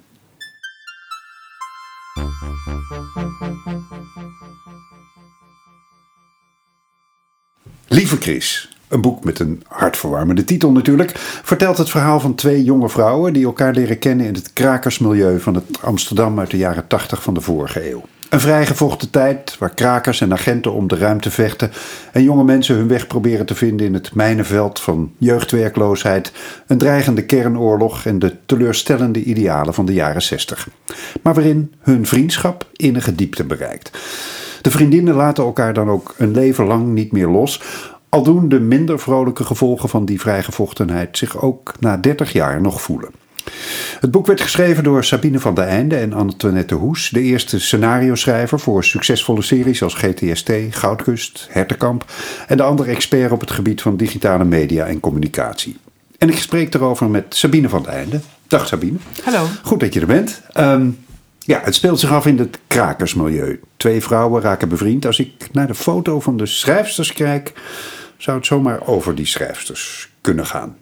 Ja, dat, eh, ik begrijp dat je dat denkt, maar het is niet zo. Oh, het is, eh, eh, we hebben ons natuurlijk wel laten inspireren door eh, onze eigen jonge jaren. Mhm. Want de periode die je zojuist beschreef, hebben wij bewust meegemaakt als jonge vrouwen. En we wilden een boek over een vriendschap schrijven, maar de personages en het verhaal dat verteld wordt, is allemaal helemaal verzonnen. Verzonnen. Ja, dat, daar, ja. Oké, maar jullie hebben wel ervaringen in die krakerswereld? Nee, eigenlijk Ook nauwelijks. niet. Nou, Oké. het- het- ja, als, we, als we het dan over mij hebben. Ja. ik ben wel op feesten in kraakpanden geweest. En ik heb ook wel eens een nachtje gelogeerd in een kraakpand. En, eh, dus ik heb, er, ik heb heel wat. En ik heb wel eens gefilmd in een kraakpand of op, een, eh, op het Storkterrein. Eh, dus ik, ik, ik heb ze wel van binnen gezien, maar ik was zelf geen kraker. Nee. Dat, eh, ik woonde gewoon bij mijn moeder thuis. Nee. Oké, dus, dus eh, ja, wat was de inspiratie om vanuit die tijd een, een verhaal op te bouwen? Eh, ging dat om jullie eigen ervaringen in die tijd? Of was het een fascinatie met dat krakersmilieu? Waar begon het? Het begon ermee dat we, eh, dat we het idee hadden dat jonge mensen van nu, maar we zijn er lang mee bezig geweest, dus eh, jonge mensen van een tijdje geleden, Wat is lang? eh, nou, ze- 15 jaar geleden, toen, we dachten, laten we samen een boek gaan schrijven, goed plan. en toen viel het, of althans wij Het vonden. klinkt alsof je het nu achteraf een minder goed plan Nee, vond. helemaal niet. Oh, Nee, nee, oké. Het is al die tijd echt heel leuk geweest. Het heeft heel lang geduurd, dus daardoor... Ja. Ja, ja, ja. Eh, omdat we het altijd druk hebben allebei. Maar Hmm. nou, en wat ons opviel, of wat wij dachten, was dat veel jonge mensen een stuk preutser eh, waren dan wij toen we nou, 16, 18, 23 waren. En, eh, en dat vonden. En, wij, en dat, toen we dat analyseerden, dachten we dat komt door die tijd. Want wij, wij waren tieners in de jaren 80 en toen Hmm. waren al die hippie-idealen. die waren nog volop aanwezig. Dus Ja. iedereen lag topless op het strand. En Ja. je neukte met wie je wilde. Gewoon omdat het gezellig is. Mhm. En, en toen kwamen we opeens allemaal... De, de rules kwamen op in de jaren negentig. Dat je als meisje je heel Amerikaans moest gedragen. En op de eerste date zeker niet zoenen. En de tweede date misschien. De derde, nou, date 17. Als hij alles betaald heeft, dan ga je een keer met die jongen naar bed. Ik vond het echt belachelijk. Als je de ring al En bijna om je vinger hebt. Ja, Ja, precies. En Dat, Ja. dat truttige, preutse, christelijke gedoe, daar eh, werden wij heel boos van. Dus dat was eigenlijk een hele belangrijke inspiratiebron. Oké, en waar kwam het krakersmilieu dan vandaan? Ja dat, ja, dat was er gewoon. We Ja. woonden allebei in Amsterdam en, we, eh, en we, eh, die, die stadsoorlog die was heel reëel. Weet je? Er waren dagen dat je verschrikkelijk moest omfietsen... omdat je anders niet op school terecht kwam. Mhm. Die eh, Koningsda Koninginnedagredden van 1980, die waren Geen woning, geen verschrikkelijk. kroning, ja. Precies, daar, daar is toen echt heel erg gevochten. Vrienden van ons zijn in elkaar geslagen. Ja. Dus dat is... eh, ja, dat, dat was heel aanwezig. Ja. Dat, eh, wonen in een kraakpand vonden wij doodnormaal. Ja. Eh, dat en wat voor deden. mogelijkheden bood dat voor het verhaal? Wat, wat konden jullie die vriendinnen laten meemaken wat je interessant vond? Ehm, eh, nou, we hebben de eerste ontmoeting gesitueerd tijdens belangrijke kraakrellen rond het pand aan de Vondelstraat. Ja. Voor het eerst tanks in de straten van Ja, Amsterdam. precies. Nou, dat, Ja. dat vonden wij ook heel heftig. Het grappige Zeker, is, dat vonden dat toen ook. heftig. Maar Ja. ik vind het, als ik er nu op terugkijk, nog veel er- ernstiger eigenlijk. Zeker. Het is daarna niet meer voorgekomen. nee. Dus, dat, eh, eh, en dan, eh, dus ik vond het de moeite waard om dat te vertellen. Ja. Ehm, ja, we hebben de eerste ontmoeting. Dus de ene vriendin redt de ander. En zo ontmoeten ze elkaar voor het eerst tijdens de, die vreselijke rellen. En daar Red als in fysiek redden in Fysiek, een ja. gevaarlijke Ja. situatie Ja. door dat soort geweld. met Oké. onderaanrollende tanks. Aha, Ja, ja. Eh, en dan ontstaat er een vriendschap en dan laten we dat krakersverhaal eigenlijk helemaal los. Hmm. Heel onverantwoordelijk. En Vanuit het auteursstandpunt, maar eh, oogpunt gezien. Eh, maar dan gaat het verhaal over die vriendschap en over eh, de vrijheid waarin je toen jezelf kon ontplooien. Ja. Ehm, Die vrijheid heeft een tegenkant, laat ik het zo zeggen. zeker, ja. Wat kan je daarover zeggen zonder veel te spoilen? Ja. Ehm, eh, ik denk dat, eh, kijk, in die, in die tijd waren, werd er tegen alle jongeren gezegd: er is geen werk, het maakt geen reet uit wat je gaat studeren, want je zult toch nooit geld verdienen. No future. No future. Eh, en dat werd ons echt van alle kanten Mhm. ingepeperd door leraren, door ouders. Iedereen was er kennelijk zo van geschrokken dat ze het nodig vonden om dat tegen 16 en 18-jarigen te zeggen. Mhm. Zonder dat ze zich echt afvroegen wat dat voor effect dan op je had. Daardoor voelden we ons totaal vrij, want fatalistisch. Het, Hm. is, eh, het maakte niets uit wat je deed. Dus je deed maar wat je deed. Wat er in je opkwam en je deed wat je een goed gevoel gaf, zonder dat je aan een planning van je leven deed. Ik vind het tot op de dag van vandaag absurd dat mensen vijf jaar vooruit plannen in hun leven. Begrijp ik niks van. Hm. Er was geen toekomst, was dus geen je toekomst. hoefde ook niet met gevolgen rekening Nee, te houden. dat deed je niet. Nee, Ja. precies. En dus gaf je je aan wie je wilde. En je had seks met wie je wilde. En je, je maakte eh, toneelstukjes of je ging dansen.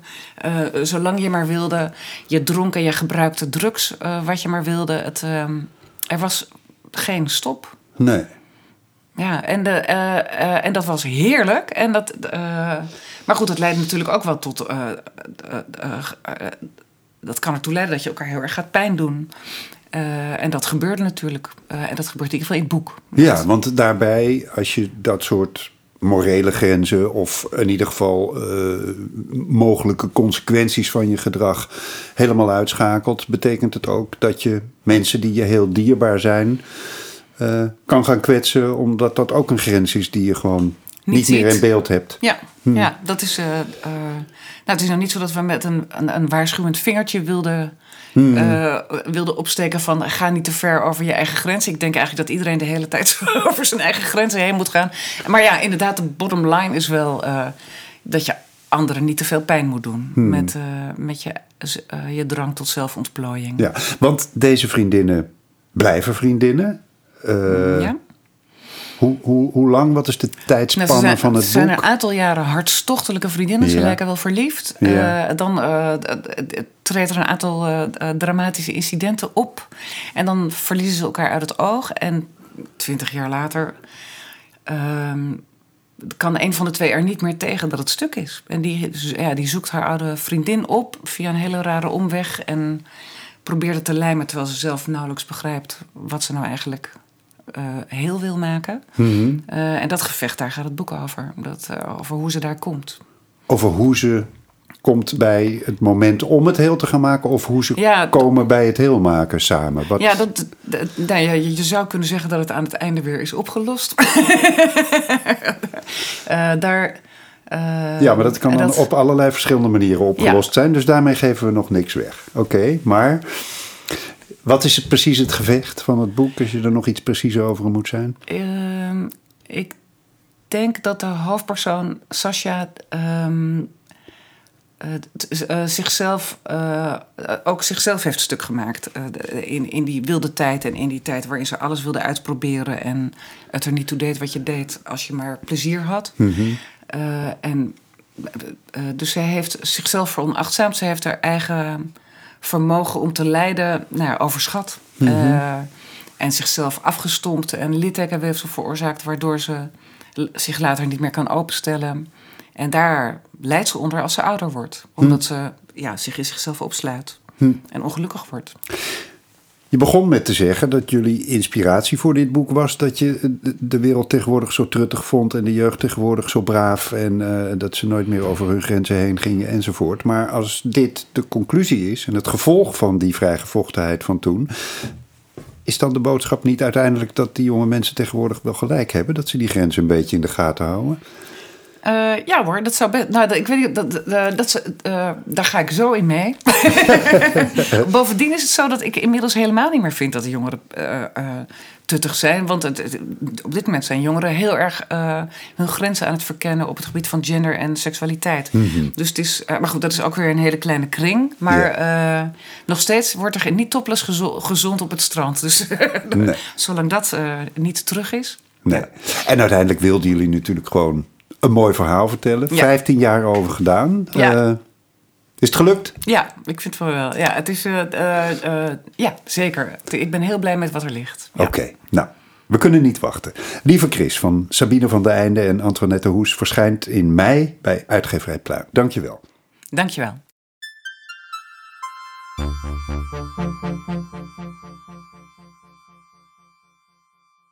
Thomas van der Meer debuteerde in 2019 bij uitgeverij Pluim met Welkom bij de Club.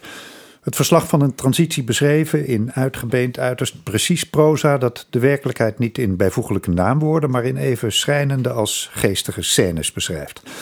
Een stijl die Thomas ook hanteert in zijn columns in de Volkskrant, waarin hij verslag doet van zijn contacten met de mensen die hij verzorgt, in respectievelijk de ouderenzorg en de psychiatrie. Zijn inmiddels ruime fanschare kijkt uit naar de nieuwe roman Hier de Hemel. Thomas, welkom. Dankjewel. En die komt eraan, hè? Toch? Ja, die komt eraan. Ja, Ehm, het valt niet te ontkennen, omdat je er week in week uit eh, verslag van doet in de Volkskrant. Je hebt jaren in de ouderenzorg gewerkt en eh, tegenwoordig in de psychiatrie. Je hoofdpersoon Mario werkt ook in de ouderenzorg. Ehm, Hoe dicht staat hij bij jou? Ehm, nou, wel heel erg dicht. Ik dacht, ehm, omdat ik hem nu... eh, in, in mijn hoofd is hij wel echt iemand anders.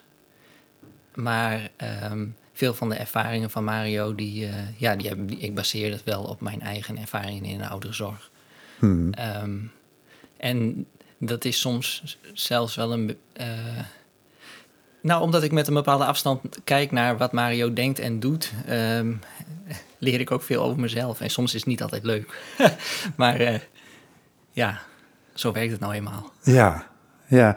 Ehm, je bent, blijkt uit je columns en je eerste boek, heel goed in, eh, in het beschrijven van scènes, interacties tussen, tussen mensen. Meestal tussen jouzelf en, en de mensen die je verzorgt. En in dit geval dus vermoedelijk eh, tussen Mario en de mensen die hij verzorgt. Kijk jij ook zo naar de werkelijkheid als je er middenin zit? Herken je die scènes op het moment dat je erin zit en dat je denkt: hé, hey, wat gebeurt hier? Ik bedoel, heb je, toen, heb je dan ook al zo'n observerende blik? Nee, dat niet per se. Nee. nee, ik heb meestal later, vooral als ik dan columns schrijf, dat als ik dan ehm, later over een bepaald onderwerp wil schrijven, dat die, die scènes in mijn hoofd, eh, ja, dat ik daarna moet denken, die gebeurtenissen. En dat ik dan eh, een, een bepaalde verband kan leggen. En dan wordt het wel een scène. Het is niet zo dat ik, eh, als ik aan het werk ben, denk eh, dat ik daar dan aan denk. Nee, nee, dat heb ik niet. En het idee voor deze roman, ontstond dat al wel? Want het gaat over de ouderenzorg, hè? niet Ja. over de psychiatrie. Nee. Ehm, ontstond dat al wel toen je daar aan het werk was? Ja, dat wel. Omdat er zoveel aan de hand is in de ouderenzorg. En eh, dat komt ook wel door de coronacrisis. En ik schrijf dan die columns in de krant. En eh, dat is omdat ik dan, nou ja, het is ook wel om de lezer te entertainen. Maar ook omdat er wel, ik vind het belangrijk dat mensen weten wat daar gebeurt. En ik weet nog dat eh, het was voor de coronacrisis. En ik had met mijn collega's, ik had een ochtenddienst. En we hadden net iedereen uit bed gehaald. En ehm, dat, is, dat is het meeste werk, de ochtend in de ouderenzorg. Want iedereen die moet eh, gewassen en aangekleed en gedoucht. En weet ik wat allemaal aan het ontbijt zitten. En dan heb je een heleboel tegelijk. Je hebt een heleboel bewoners. Er moet van alles gebeuren. Dus toen hadden we eindelijk pauze. En dan begin je om zeven uur. En dan is het iets van half elf of zo. Dus dan eh, iedereen honger en zin in koffie. Dus dan zaten we, toen was het mooi weer. We zaten allemaal buiten. En ehm, mijn collega tegenover mij, we, waren met z'n zes of zo. Mijn collega tegenover mij neemt een slok koffie. En dan zie ik zijn, ehm, zijn onderarm. En dan zie ik een bruine veeg. En eh, ik zeg tegen hem, eh, Mo, je hebt eh, poep op je arm, zeg ik tegen hem. Want die onderarm is een beetje, daar heb je een beetje een, eh, een dode hoek. Hè? Dat zie je normaal zelf niet. Dan moet je zo Nee. kijken of zo. Ja, Maar, eh, ja, ja. en eh, dus ik zeg, Mo, je hebt poep op je arm. En eh, toen ging hij nog voor de gein doen alsof hij het eraf zou likken. Natuurlijk niet echt, maar wij allemaal lachen. En intussen aten we ons brood, want ja, we zijn wel wat gewend. En hij ging naar de keuken om zo'n arm te wassen en te ontsmetten. Maar toen zeiden wij allemaal tegen elkaar: wat hebben wij een vreselijk beroep? En eh, dat wij zo weinig betaald krijgen, dat is toch ook niet normaal? En mijn collega, na haar ochtenddienst, ging ze bijvoorbeeld nog naar het Van der Valk Hotel om daar in het restaurant te werken, omdat ze anders gewoon niet de huishouden. eh, anders kwam ze gewoon niet rond. Ja, oh ja. En eh, toen zeiden we, nou weet je wat, we moeten gaan staken. Maar ja, hoe gaan we dat dan doen? Nou, we kunnen allemaal verpleeghuizen opbellen. En dan gaan we met z'n allen... Ja, eh, wat doe je als je gaat staken? De snelweg blokkeren. We hebben dan geen tractors, maar we zouden het met uh, scootmobiels, weet ik veel. En eh, zo zaten we dat te bedenken. Maar ja, dat moet je natuurlijk heel anders aanpakken. We wisten wel vagelijk dat het iets met vakbonden en cao's was. Maar goed, we hadden nog nooit gestaakt. Ja. Weten wij veel. En toen zei iemand van, ja, we kunnen helemaal niet staken. Want dan, die mensen hier kunnen niet eens uit bed komen zonder ons.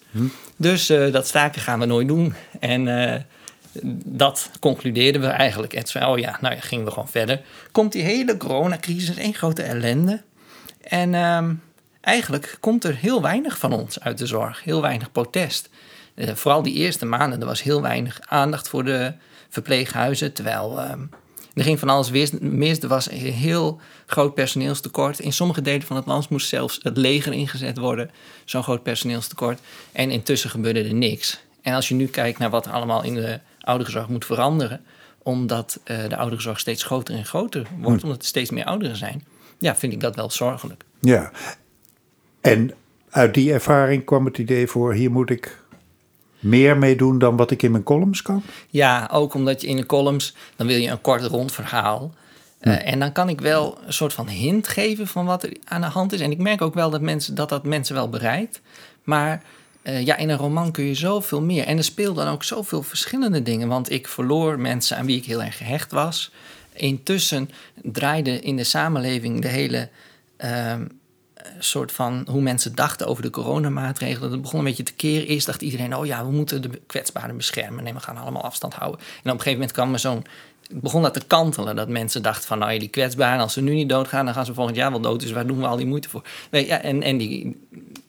Nou ja, ook het populisme. Terwijl intussen heel veel ouderen die ik verzorg... nog steeds heel veel last hadden van eh, hun herinneringen aan de oorlog... En ook dat ik het idee had met, het op, met de opkomst van populistisch rechts, dat dat juist heel belangrijk was, ook die herinneringen. En uh, ja, die, die, die mensen, die laatste ooggetuigen van de oorlog, die zijn nu allemaal op een leeftijd dat ze uh, sterven.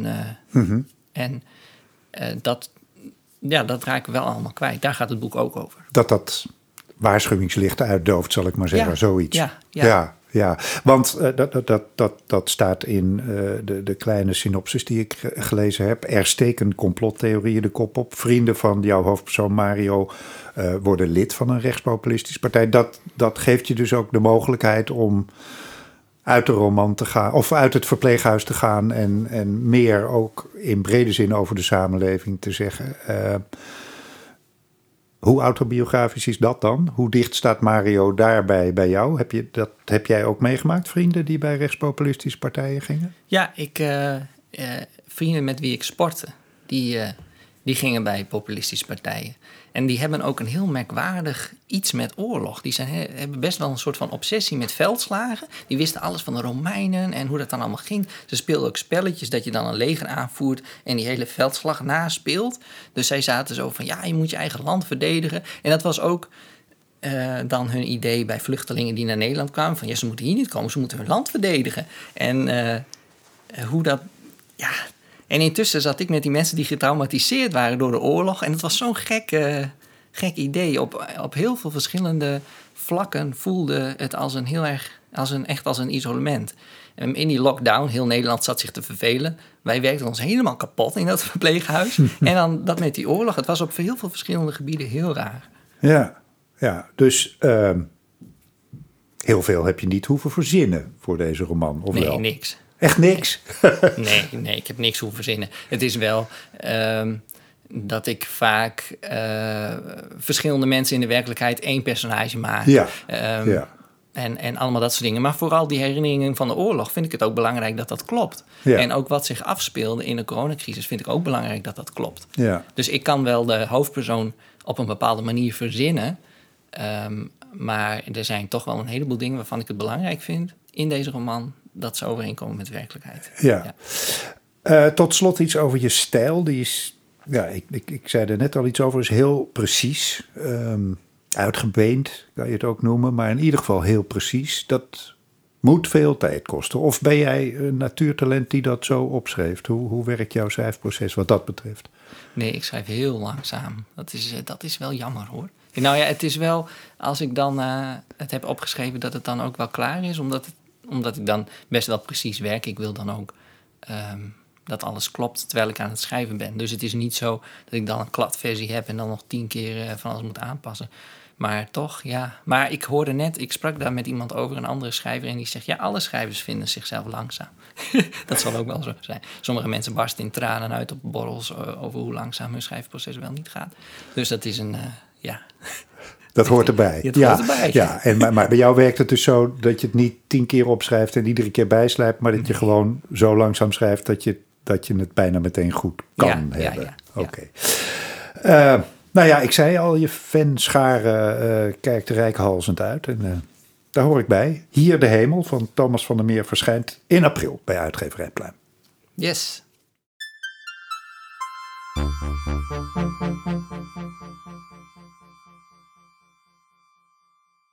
Yvonne Kronenberg schreef in de loop van wat inmiddels een lang leven is een even hilarisch als scherpzinnig oeuvre bij elkaar over doorgaans amoureuze perikelen, romantisch onvermogen, liefhebben en seks. Waarbij ze ons allemaal in de spiegel liet kijken, maar ook niet naliet haar eigen struikelingen te benoemen. Waardoor, kan ik uit ervaring melden, haar boeken niet alleen buitengewoon vermakelijk, maar ook leerzaam waren. En dus is er voor iedereen die met Yvonne meegegroeid is, maar eigenlijk gewoon voor iedereen, nu het goede nieuws dat ze in haar nieuwste boek haar licht laat schijnen op dat paradoxale proces ouder worden. We willen allemaal graag heel oud worden, maar een ouder mens worden willen we eigenlijk ook weer niet. Hoe terecht is dat? Daar gaan we hopelijk achter komen in Leven voor Gevorderden. Dag Yvonne. Hoi, Chris. Hoe oud ben je? Ik, ben, eh, ik word dit jaar 73. Ik ben dus nog net 72. Ja, en is dat eh, nog steeds een onbetamelijke vraag om aan een vrouw te stellen? Of moeten we daar gewoon maar eens vanaf?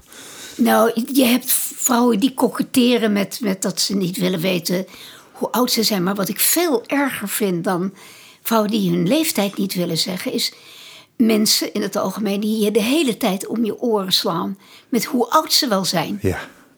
Van ja, maar ik ben al eh 83 of ik ben al 73. of- En er zijn er zelfs die zeggen het op een 53ste al. Ja, want wat ergert je daaraan? Ik vind het gezeik. Wat maakt het nou uit? Ja. Het, is, het, gaat, het gaat niet om hoe lang je al leeft. Het gaat erom in welke levensfase je je bevindt. En, eh, en hoe goed je het doet. Ja, Voor je, in je eigen ogen of in de ogen van je omgeving. ja. Want hoe is het om 72, 73 te zijn? Ja, ik, ik denk dat er is een beetje winst en een beetje verlies. Eh, laten we met het verlies beginnen. Oude lullenpijn is niet fijn. Nee. Het is dat je eh, iets van de grond moet rapen. En dat het echt wel lang duurt voor je weer boven bent. Of je sokken aan moet trekken of je schoenen. Ja. Nou, dat kan je allemaal oefenen. Maar Ja. eh, de pijn kan je niet. Ja, die, die is er gewoon. En Mhm. er is altijd een beetje pijn hier, daar. De winst is dat je eh, een heleboel angsten die jonge mensen voortdurend hebben, die heb je niet. Er is niks zo erg als 21 zijn. Je bent beeldschoon, maar je hebt geen idee wat je, wat je nog, hoe je moet leven, wie je bent, wie je wilt worden. Eh, als je al een, een, een, een, een, liefdesrelatie hebt, dan denk je ja, op mijn 21ste, op mijn 35ste is die weg. En wat dan? Nou, dat zijn allemaal dingen waar je als oude muts niet meer van wakker ligt. Nee. Ehm, je kent jezelf beter, mag je hopen ook. Sommige mensen wel, maar er zijn er ook echt, er zijn zulke onnozelaars, zou je niet voor mogelijk. Ja. Het- moet je voor dat goed leven in de levensfase waar je in zit, eh, in, in deze levensfase, want het, het gaat over ouder worden. Dus zeg, wat, wat, noem je oud, wat noem je oud eigenlijk? Van wanneer? Ah, Wanneer Nou, begint dat? Op mijn zestigste citeerde ik mijn vader en die zei: Ik ben nu officieel een bejaarde. En dan kan je nog alles. Ik eh, begon toen met hardlopen. Eh, dat ging nog best goed. Maar dat, op een gegeven moment is dat gewoon klaar. is afgelopen. En als je het een beetje goed wil hebben, als je oud bent, eh, wat dat ook is, moet je, aanvaarden, je moet je eigen rijkwijde aanvaarden. Dat is trouwens heel raadzaam gedurende je hele leven, maar dan mag je nog een beetje oefenen. Als je, eh, nou zeg maar, de 60, 65 gepasseerd bent, dan moet je klaar zijn met de conflicten die je met je ouders had. Dan moet je weten wat je waard bent. Wat mij altijd opvalt op de bejaardensociëteit waar ik geregeld kom, is dat mensen echt binnen drie minuten luidkeels gaan vertellen wat ze voorstellen in het of voor hebben gesteld in het leven. Dus je krijgt een, een voormalige beroep te horen. ehm, ook waar ze vandaan komen, waar ze een tweede huisje hebben. Dat soort dingen. Te veel, te veel, te veel. En eh, dan weet ik, iemand is niet in evenwicht als hij dat doet. Nee, want die heeft nog iets te bewijzen of zo. Of, Ja, die staat, die staat als een, een, een eh, adolescent eh, je in te zeepen met zijn, zijn, zijn waardigheid. Ja. Die hij hoopt te houden of te hebben. ja. En dat moet je niet doen. Nee. Nou heet je boek Leven voor Gevorderden. Dus dat, dat, nou ja, dat heeft de connotatie van een, een les. Eh je gaat het Ja, ons hoor. leren. Eh, want hoe, hoe doe je dat? Hoe sta je zo ontspannen in het leven? Hoe, hoe ben je je leeftijd, zal ik maar zeggen? Om een- Nou, het- ik hoop dat het ook helpt dat ik een beetje de draak steek met het tegendeel. en eh, Dat is wel een beetje jouw methode, hè? Ja. ja, maar ik, ik denk dat heel veel gelegen is in, in weten wat je te wachten staat. Weten wat je wel kan veranderen, wat je niet kan veranderen. Kijk, die rimpels die zijn er. En botox helpt niet, dus geen gezicht. Maar wat wel helpt, dat is als je braaf je oefeningetjes doet, s ochtends. Want dan blijf je net even wat soepeler. En eh, dat werkt echt. En je conditie op peil houden, dat helpt. En wat ik zelf heel erg belangrijk vind, maar dat, dat is ook wel een beetje persoonsgebonden. Ik ben tamelijk trouw. En ik gooi niet mensen zomaar weg. En ik, ik, ik word altijd heel boos op oude mensen die zeggen: En nu wil ik nog alleen maar doen eh, wat ik leuk vind. Ik wil nog alleen maar omgaan met mensen die mij energie geven. Dan kan ik ze trappen. Sommige mensen kosten energie. Of wat is trouwens energie? ja. Maar het zijn Sommige- wel je vrienden. Of, Je, ja, je Ja. oude vrienden worden Ja. misschien wel saai. Nou, dan heb je geen leuke middag. Wat doet dat ertoe? ja, ja. Ehm, je zei het al, ouder worden is niet alleen maar leuk, hè? die ouderdomspijntjes. Nou goed, dat, dat is een eufemisme voor sommige dingen. Want jij, Ik heb zelf kanker. Dat bedoel ik. Je hebt Ja. zelf eh, in ieder geval tot voor kort in een heel onprettig medisch traject gezeten. Ja, Hoe is het nu met je? Ja, ik ben nou in remissie. Maar Hm. eh, je, kunt, je kunt niet genezen. Kanker komt altijd terug. Ik heb het nu Hm. drie keer gehad. Die vierde komt heus ook wel. Maar ik word natuurlijk ook omringd door andere mensen die ook kanker hebben. En met sommigen heb ik zo verschrikkelijk te doen. Want die zijn jonger. En eh, die hadden nog zo verschrikkelijk graag een tijd op het feestje willen blijven. Ja. Ik denk voor mezelf, de buiten is wel binnen. En het zal, ik, ik, doe, ik ga niet juichend weg. Maar ik ga ook niet zo moeilijk doen. Als magere hein zich meldt, loop ik mee. En is dat dan eh, de manier om, om daarmee om te gaan? Want eh, ja, ik bedoel, in- ander- sommige mensen hebben natuurlijk de pech dat ze al heel jong ziek worden. En Dat kan allemaal gebeuren. Maar voor heel veel mensen is natuurlijk toch die ouderdomsziekten. Die, ja, Ja. dat is dan wat je nog moet leren als je oud wordt. Eh, ja, hoe leer je dat? Is dat Wat, wat echt, echt helpt, dat is als je omstuwd wordt door een armada van vrienden, geliefden en, en, en familie. Die, die het met jou samen dragen. Dat helpt echt. en zorgverleners? Want die zijn, die zijn maar ook geweldig, hè? Ja, die zijn vaak zo lief. Dat helpt echt. Ja, Ja. dat lijkt mij wel. Ja, Ik je bedoel- wordt getroost en aangemoedigd. En beter is het niet te krijgen in het leven Nee. dan troost en aanmoediging. Ja. Dus de, ook, ook, ook daar ja, moet je eh, voor zover mogelijk dan, dan toch gewoon maar de positieve kant ervan blijven zien. Dat is natuurlijk ook een element van goed Of leven. wennen niet? dat dingen niet altijd even leuk zijn. Ja, ja.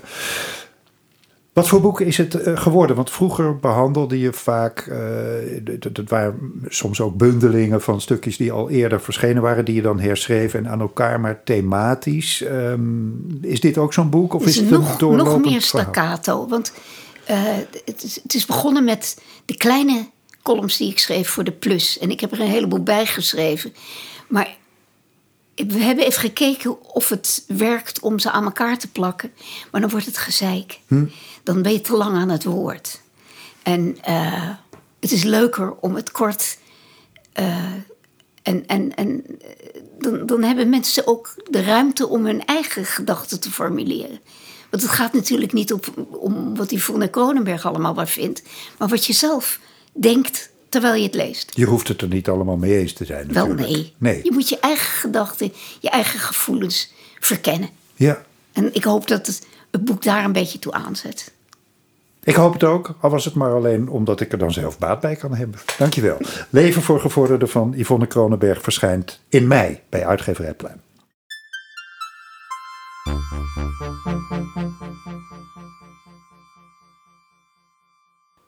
Arnon Grunberg behoeft geen introductie. En ik hoef vermoedelijk ook niet uit te leggen dat hij naast zijn omvangrijke oeuvre aan romans inmiddels ook een indrukwekkende hoeveelheid beschouwende reportages heeft geschreven.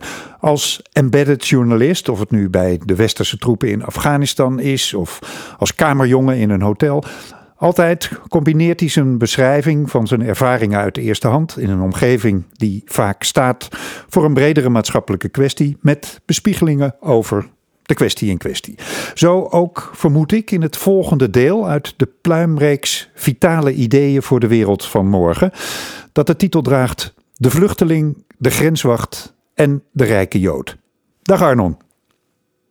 Dag, hallo. Ha. Um, is het om te beginnen erg als ik uh, bij die titel meteen aan uh, Vastbinder denk en diens omstreden toneelstuk Het vuil, de stad en de dood? Nee hoor, dat, dat vind ik helemaal niet erg. Ik denk dat niet heel veel, meer, niet heel veel mensen meer aan, aan vastbinden zullen denken. Ik weet niet hoe bekend vastbinden nu nog is. Nee. Uh, voor een belangrijke filmregisseur. En ik denk dat we nu ook anders naar dat toneelstuk zouden kijken, wat in de tijd in de jaren tachtig als uh, antisemitisch werd um, omschreven. Um, dus dat, dat, dat die titel um, kwam en, en dat, dat, dat eventueel een associatie uh, daarbij komt kijken naar vastbinden, vind ik prima.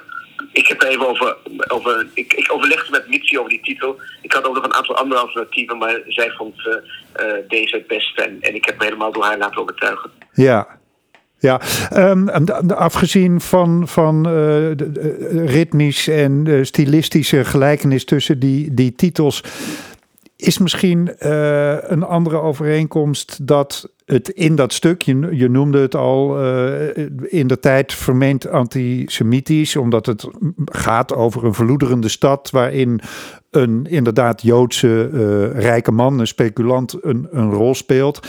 Um, daar heet het in de titel De Dood. Jij hebt het over de rijke Jood. Jij, jij benoemt dat meteen. Wie, wie is de rijke Jood in jouw verhaal? Nou ja, als je het, het, het, het boek gaat over, de, over vluchtelingen, in, in de brede zin van het woord, vluchtelingen in tijden van het eerste jaar van de Oekraïne-oorlog. En de rijke Jood is natuurlijk uh, George Soros. Als je kijkt naar heel veel discussies over vluchtelingen, als je kijkt naar heel veel maatschappelijke discussies, uh, we hebben de laatste tijd, uh, duikt vroeg of laat, uh, altijd weer de naam van Soros op. Die wordt ingezet als um, argument, met name uit de extreemrechtse hoek, om te suggereren dat, dat bepaalde denkbeelden eigenlijk zijn gekocht of beïnvloed door een rijke Jood, in dit geval Soros, die met zijn stichting natuurlijk een aantal doelen um, ondersteunt, die voor sommige mensen aanstootgevend zijn. Wat is dan precies in dit geval de connectie met de vluchteling en, en de grenswacht? Hoe, hoe, uh... Wel, dat, de, de grenswacht, dat mag duidelijk zijn. Hè. We, we, hebben grenzen, ja. uh, uh, overal.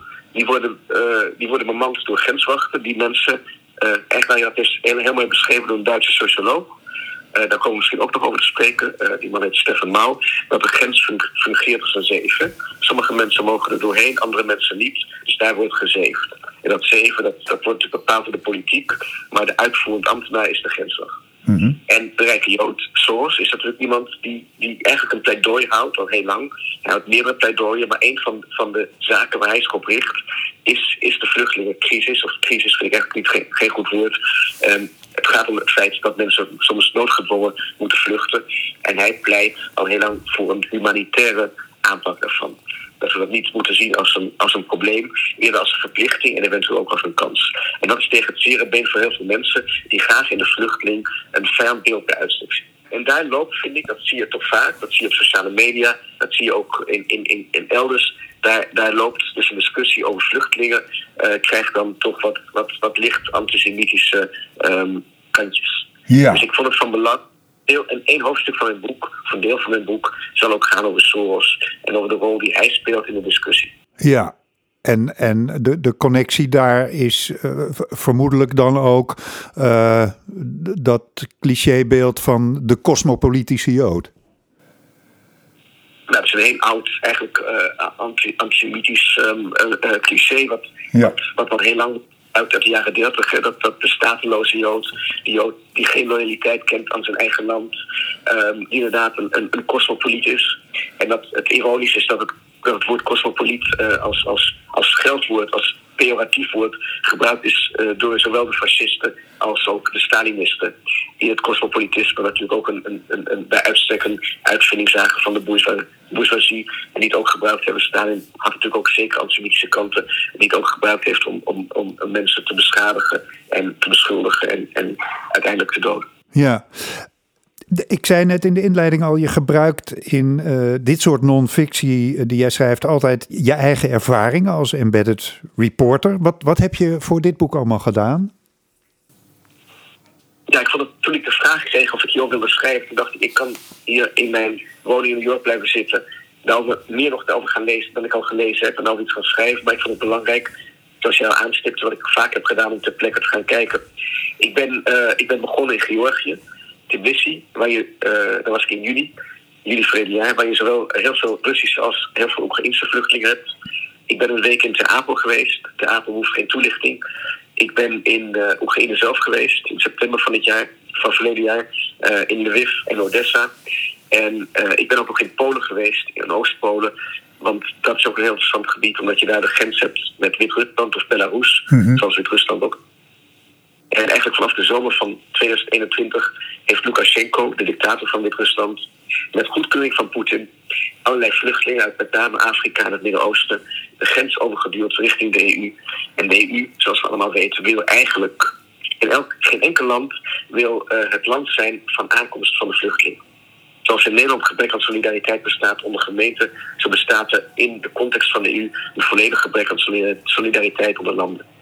Dus dat, dat, dat, dat eerste land waar de vluchteling aankomt, waar je dan officieel volgens het verdrag van Dublin asiel moet aanvragen, dat wil eigenlijk geen land zijn.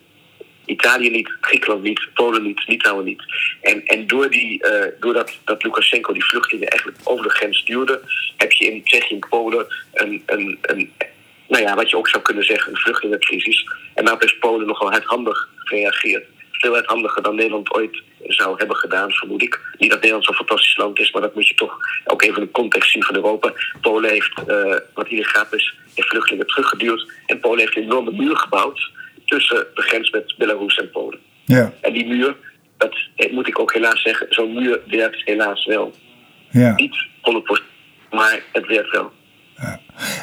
Je zei, uh, je zei net, uh, ik hou niet van het woord uh, crisis in dit verband. Waarom niet? Um, omdat ik denk, nou ja, is, als het in de Nederlandse context gaat, is dat ook al heel vaak benoemd. Het is een crisis die, die, die voortkomt uit politieke onwil, politieke onmacht. Uh, want het aantal asielzoekers is helemaal niet zo verschrikkelijk hoog vergeleken met andere jaren. Maar met name door COVID, en dat heeft de staatssecretaris ook zelf gezegd.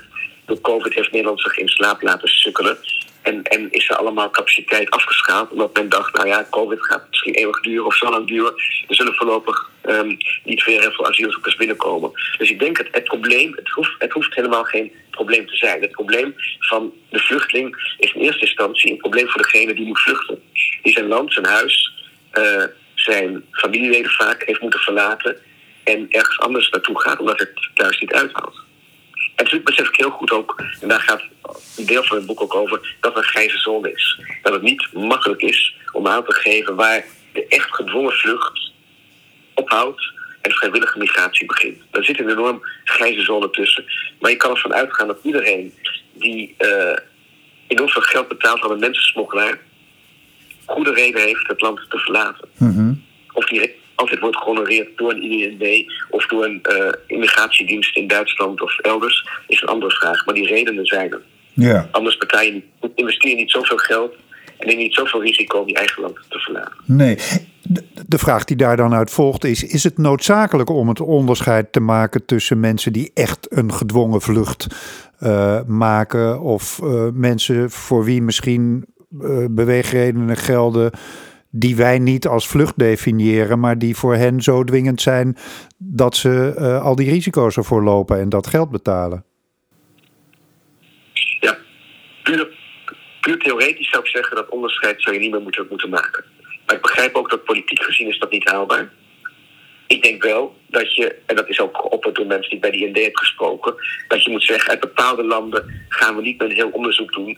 Als iemand uit Syrië komt en we weten dat hij uit Syrië komt, dan kan diegene met een of verblijfsvergunning krijgen. We hoeven, kunnen we mankracht besparen en hoeven niet meer vast te stellen of diegene echt goede reden heeft te vluchten. Omdat bijna iedereen tegenwoordig ook uit Syrië alle status krijgt. En dat geldt ook voor een aantal andere landen, ook bijvoorbeeld Eritrea en Afrika. Hmm. Dus ik denk dat je met deel van, van die opstoppingen, ik heb dat trechters genoemd, waar mensen, waar mensen letterlijk uh, voor verstoppingen zorgen, hoe naar dat ook klinkt. En, en mensen ook als een verstopping worden behandeld, uh, dat je die kunt opheffen door gewoon um, sneller, te zeggen, naar bepaalde groepen vluchtelingen te geven met ene status. En daarnaast, ik denk dat, is, dat komt in mijn boek ook zijn ter sprake, moet je ook gewoon nadenken over arbeidsmigratie. Ja. Moet je daar moet je men kans geven om uh, naar Europa te komen. Zeker ook omdat Europa die, die, die arbeidskracht nodig heeft. En als je gewoon puur kijkt naar de demografische cijfers, dan uh, zou Europa afsterven zonder toestroom van mensen buiten Europa. Ja, nog, nog heel even door op de, uh, hoe, hoe uh, vervelend het, het, het, woordgebruik ook eigenlijk is op de huishoudelijke apparatuur. Je hebt het over trechters en je had het eerder al over die zeef. Uh, de, de, omslag van je boek laat ook een zeef zien die tegelijkertijd een soort hekwerk is, waar een klein menselijk figuurtje zich aan, aan vastklampt. Wat, wat, waar staat dat beeld precies voor? En dat is een boekje van uh, Stefan Mouw, dat verscheen twee jaar geleden. Dat is een Duitse socioloog. En die heeft een boek over grenzen geschreven. En uh, een vrij dun boek, maar een heel helder en inzichtelijk boek. En dat noemt hij sorteermachines. Hij zegt, de grens is een sorteermachine bij uitstek. Die grens is natuurlijk niet altijd geweest. Het is een, eigenlijk een vrij recente uitvinding. En zeker om die grens zo goed te bewaken. Kijk, ooit had je gewoon steden die gingen s'nachts op slot. Maar dat is toch heel iets anders dan een, dan een grens zoals wij die nu kennen. En uh, die grens is natuurlijk ook bij uitstek een, een, een, een manier, een middel, een plek... waar tussen aanhalingstekens de wenselijke mensen van de onwenselijke worden gescheiden. En ik begrijp heel goed ook, nogmaals, je hebt, je hebt een politieke haalbaarheid... dat open grenzen, volledig open grenzen, zal niet haalbaar zijn. Maar ik denk wel dat we op een andere manier met die grenzen moeten omgaan.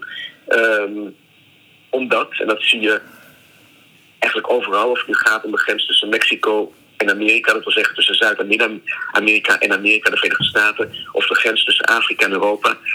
Als de noodzaak en het verlangen groot genoeg is voor mensen om binnen te komen, dan gaan, komen ze toch door die grens die um, zogenaamd voor hen gesloten zal zijn. Dus ik denk dat je, dat je eigenlijk moet gaan nadenken op een heel andere manier over grensbewaking en over het fenomeen grens, om juist um, die toestroom, eigenlijk ook een akelig woord is, mm-hmm. om die toestroom beter, beter te kunnen begeleiden, beter te kunnen bevatten, om daar beter mee te kunnen omgaan. En ook om te begrijpen dat je toestroom in en uitgaan, je, hebt, je, hebt, je kunt een grens, een grens echt sluiten, is natuurlijk ook, ook um, jezelf isoleren, volledig isoleren. Dan maak je van jezelf eigenlijk een soort Noord-Korea. Dus je hebt een vorm van openheid nodig om als land leefbaar te, te blijven.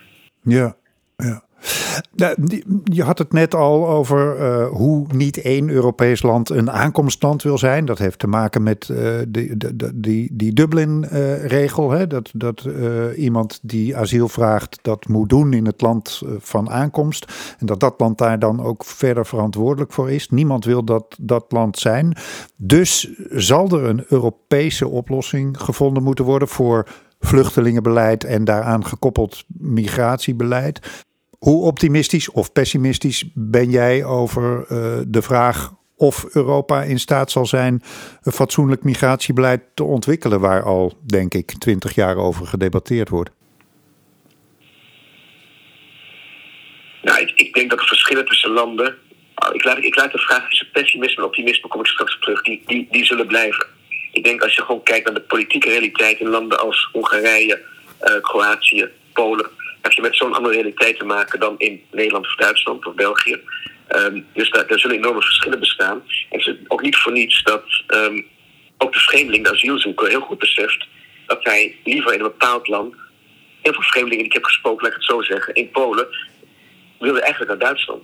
Ze moesten door Polen heen. Noodgedwongen zitten ze nu in Polen vast. Maar dan willen ze niet blijven. En het is ook niet voor niets dat Nederland geen vreemdelingen meer mag terugsturen naar Griekenland. En eigenlijk ook niet naar Italië, omdat de vreemdeling daar zo slecht wordt behandeld. Dus je krijgt, doordat de, doordat de opvang en de regels zo verschillen per land, krijg je ook de situatie dat, dat de vreemdeling zelf, hoewel hij officieel moet blijven in het land waar hij asiel heeft aangevraagd, het land van aankomst, first entry heet dat, dat hij natuurlijk ook zelf wil doorreizen naar een land waar hij meer kansen maakt en beter wordt behandeld. Dus je krijgt door, door, door die ongelijkheid binnen de landen krijg je twee bewegingen. Enerzijds landen uh, als Italië en Griekenland laten heel graag asielzoekers weer vertrekken. Anderzijds willen heel veel asielzoekers vreemdelingen daarop weg, omdat ze relatief weinig kansen hebben. Dus, dus die, die toestroom binnen, binnen Europa blijf je krijgen zolang er niet één beleid komt hm. en één uh, Indische wetgeving die bijvoorbeeld ook zegt van zo lang mag je een vreemdeling in detentie houden. Want dat is natuurlijk ook nog een groot probleem van uh, de vraag, en ik heb daar wel een mening over, maar heel veel landen, ook Nederland doet dat onder bepaalde omstandigheden, um, berooft de vreemdeling, hoewel hij niets anders heeft gedaan dan asiel aanvragen, van zijn vrijheid. En sluit hem op in een detentiecentrum. Mm -hmm. Ja. Dat, dat is een, een, middel waar ook de Nederlandse rechters zeggen dat is, dat, dat mag is een uiterste middel, dat mag niet te lang duren, dat mag niet, niet voor iedereen. Um, maar het, het gebeurt nog steeds. Ik denk dat we dat ook. Dat als je het hebt over het maandbeleid, dat vrijheidsberoving zeker als je het hebt over bijvoorbeeld een land als Polen, wat, wat anderhalf tot twee jaar kan duren, is natuurlijk absurd. Ja. Wat hij niets heeft gedaan, is zo lang van zijn vrijheid beroven, gaat in tegen, denk ik, wat wij verstaan onder humane behandeling van mensen. Ja, goed, dat was dus de noodzaak van Europees uh, beleid. En dan nu de waarschijnlijkheid, oftewel die vraag naar optimisme of pessimisme? Mm, laag, heel laag. Ik denk dat, dat, dat, dat je, wat je ziet, dat Europa eigenlijk alleen in, in, actie komt. Dat geldt natuurlijk voor, voor, heel veel landen, bij alle landen als de noodzaak daar is. En ik denk, ik zie daar, ik zie daar niet echt een, enorme eenheid uh, in ontstaan. En ook als je kijkt naar de toch dubieuze Turkije-deal, die uh, Merkel in 2015 heeft afgesloten, waarbij uh, Turkije heel veel geld kreeg van de EU in ruil voor tegenhouden van vluchtelingen om binnen naar de EU te komen. Wat een dubieuze deal is. Aan de ene kant heeft ze gezegd, we schaffen dat, dat was prachtig, denk ik, vind ik. En heeft ze terecht ook gezegd, we gaan deze vluchtelingen opnemen. Ook uh, binnen de context van de eigen achtergrond, als iemand die uit de DDR komt, die weet dat mensen soms dwingende redenen hebben om te vluchten. De geschiedenis van Duitsland aan het eind van de Tweede Wereldoorlog is ten dele ook een geschiedenis van vluchtelingen. Uh, dat, heeft ze terecht gezegd, heeft de vluchtelingen willen opnemen. Maar tegelijkertijd heeft ze ook, was ook een politieke realist, helaas denk ik. En heeft ze ook um, een, een, een behoorlijke brede Turkije-deal afgesloten waarbij uh, Turkije en Griekenland uh, vluchtelingen tegenhouden die ook willen binnenkomen om de, om de last op, op de EU, uh, om de EU te ontlasten. Dus ik, ik acht die kans heel, heel klein dat, dat er echt een, een uniform en een, en een breed gedragen beleid komt, waardoor je niet meer de, de toestand krijgt dat vreemdelingen zelf inzien dat ze in één land veel beter af zijn dan anderen. Waarbij je ook uniforme regels krijgt over hoe lang mag een vreemdeling worden opgesloten. Het liefst helemaal niet. En hoe, zien de, de, de, hoe ziet de opvang eruit? Dat je eigenlijk nou, een goede opvang krijgt, waardoor je niet meer de noodzaak krijgt dat, dat vluchtelingen ook natuurlijk mensen stemmen met de voeten. Dat ze denken, ik heb het daar beter, dan, ik heb het in land B beter dan in land A, ik ga hier weg. Ja. Arnon, dank je zeer. Graag gedaan. De Vluchteling, De Grenswacht en uh, De Rijke Jood van Arnon Gumberg verschijnt dit voorjaar bij uitgeverij Pluim.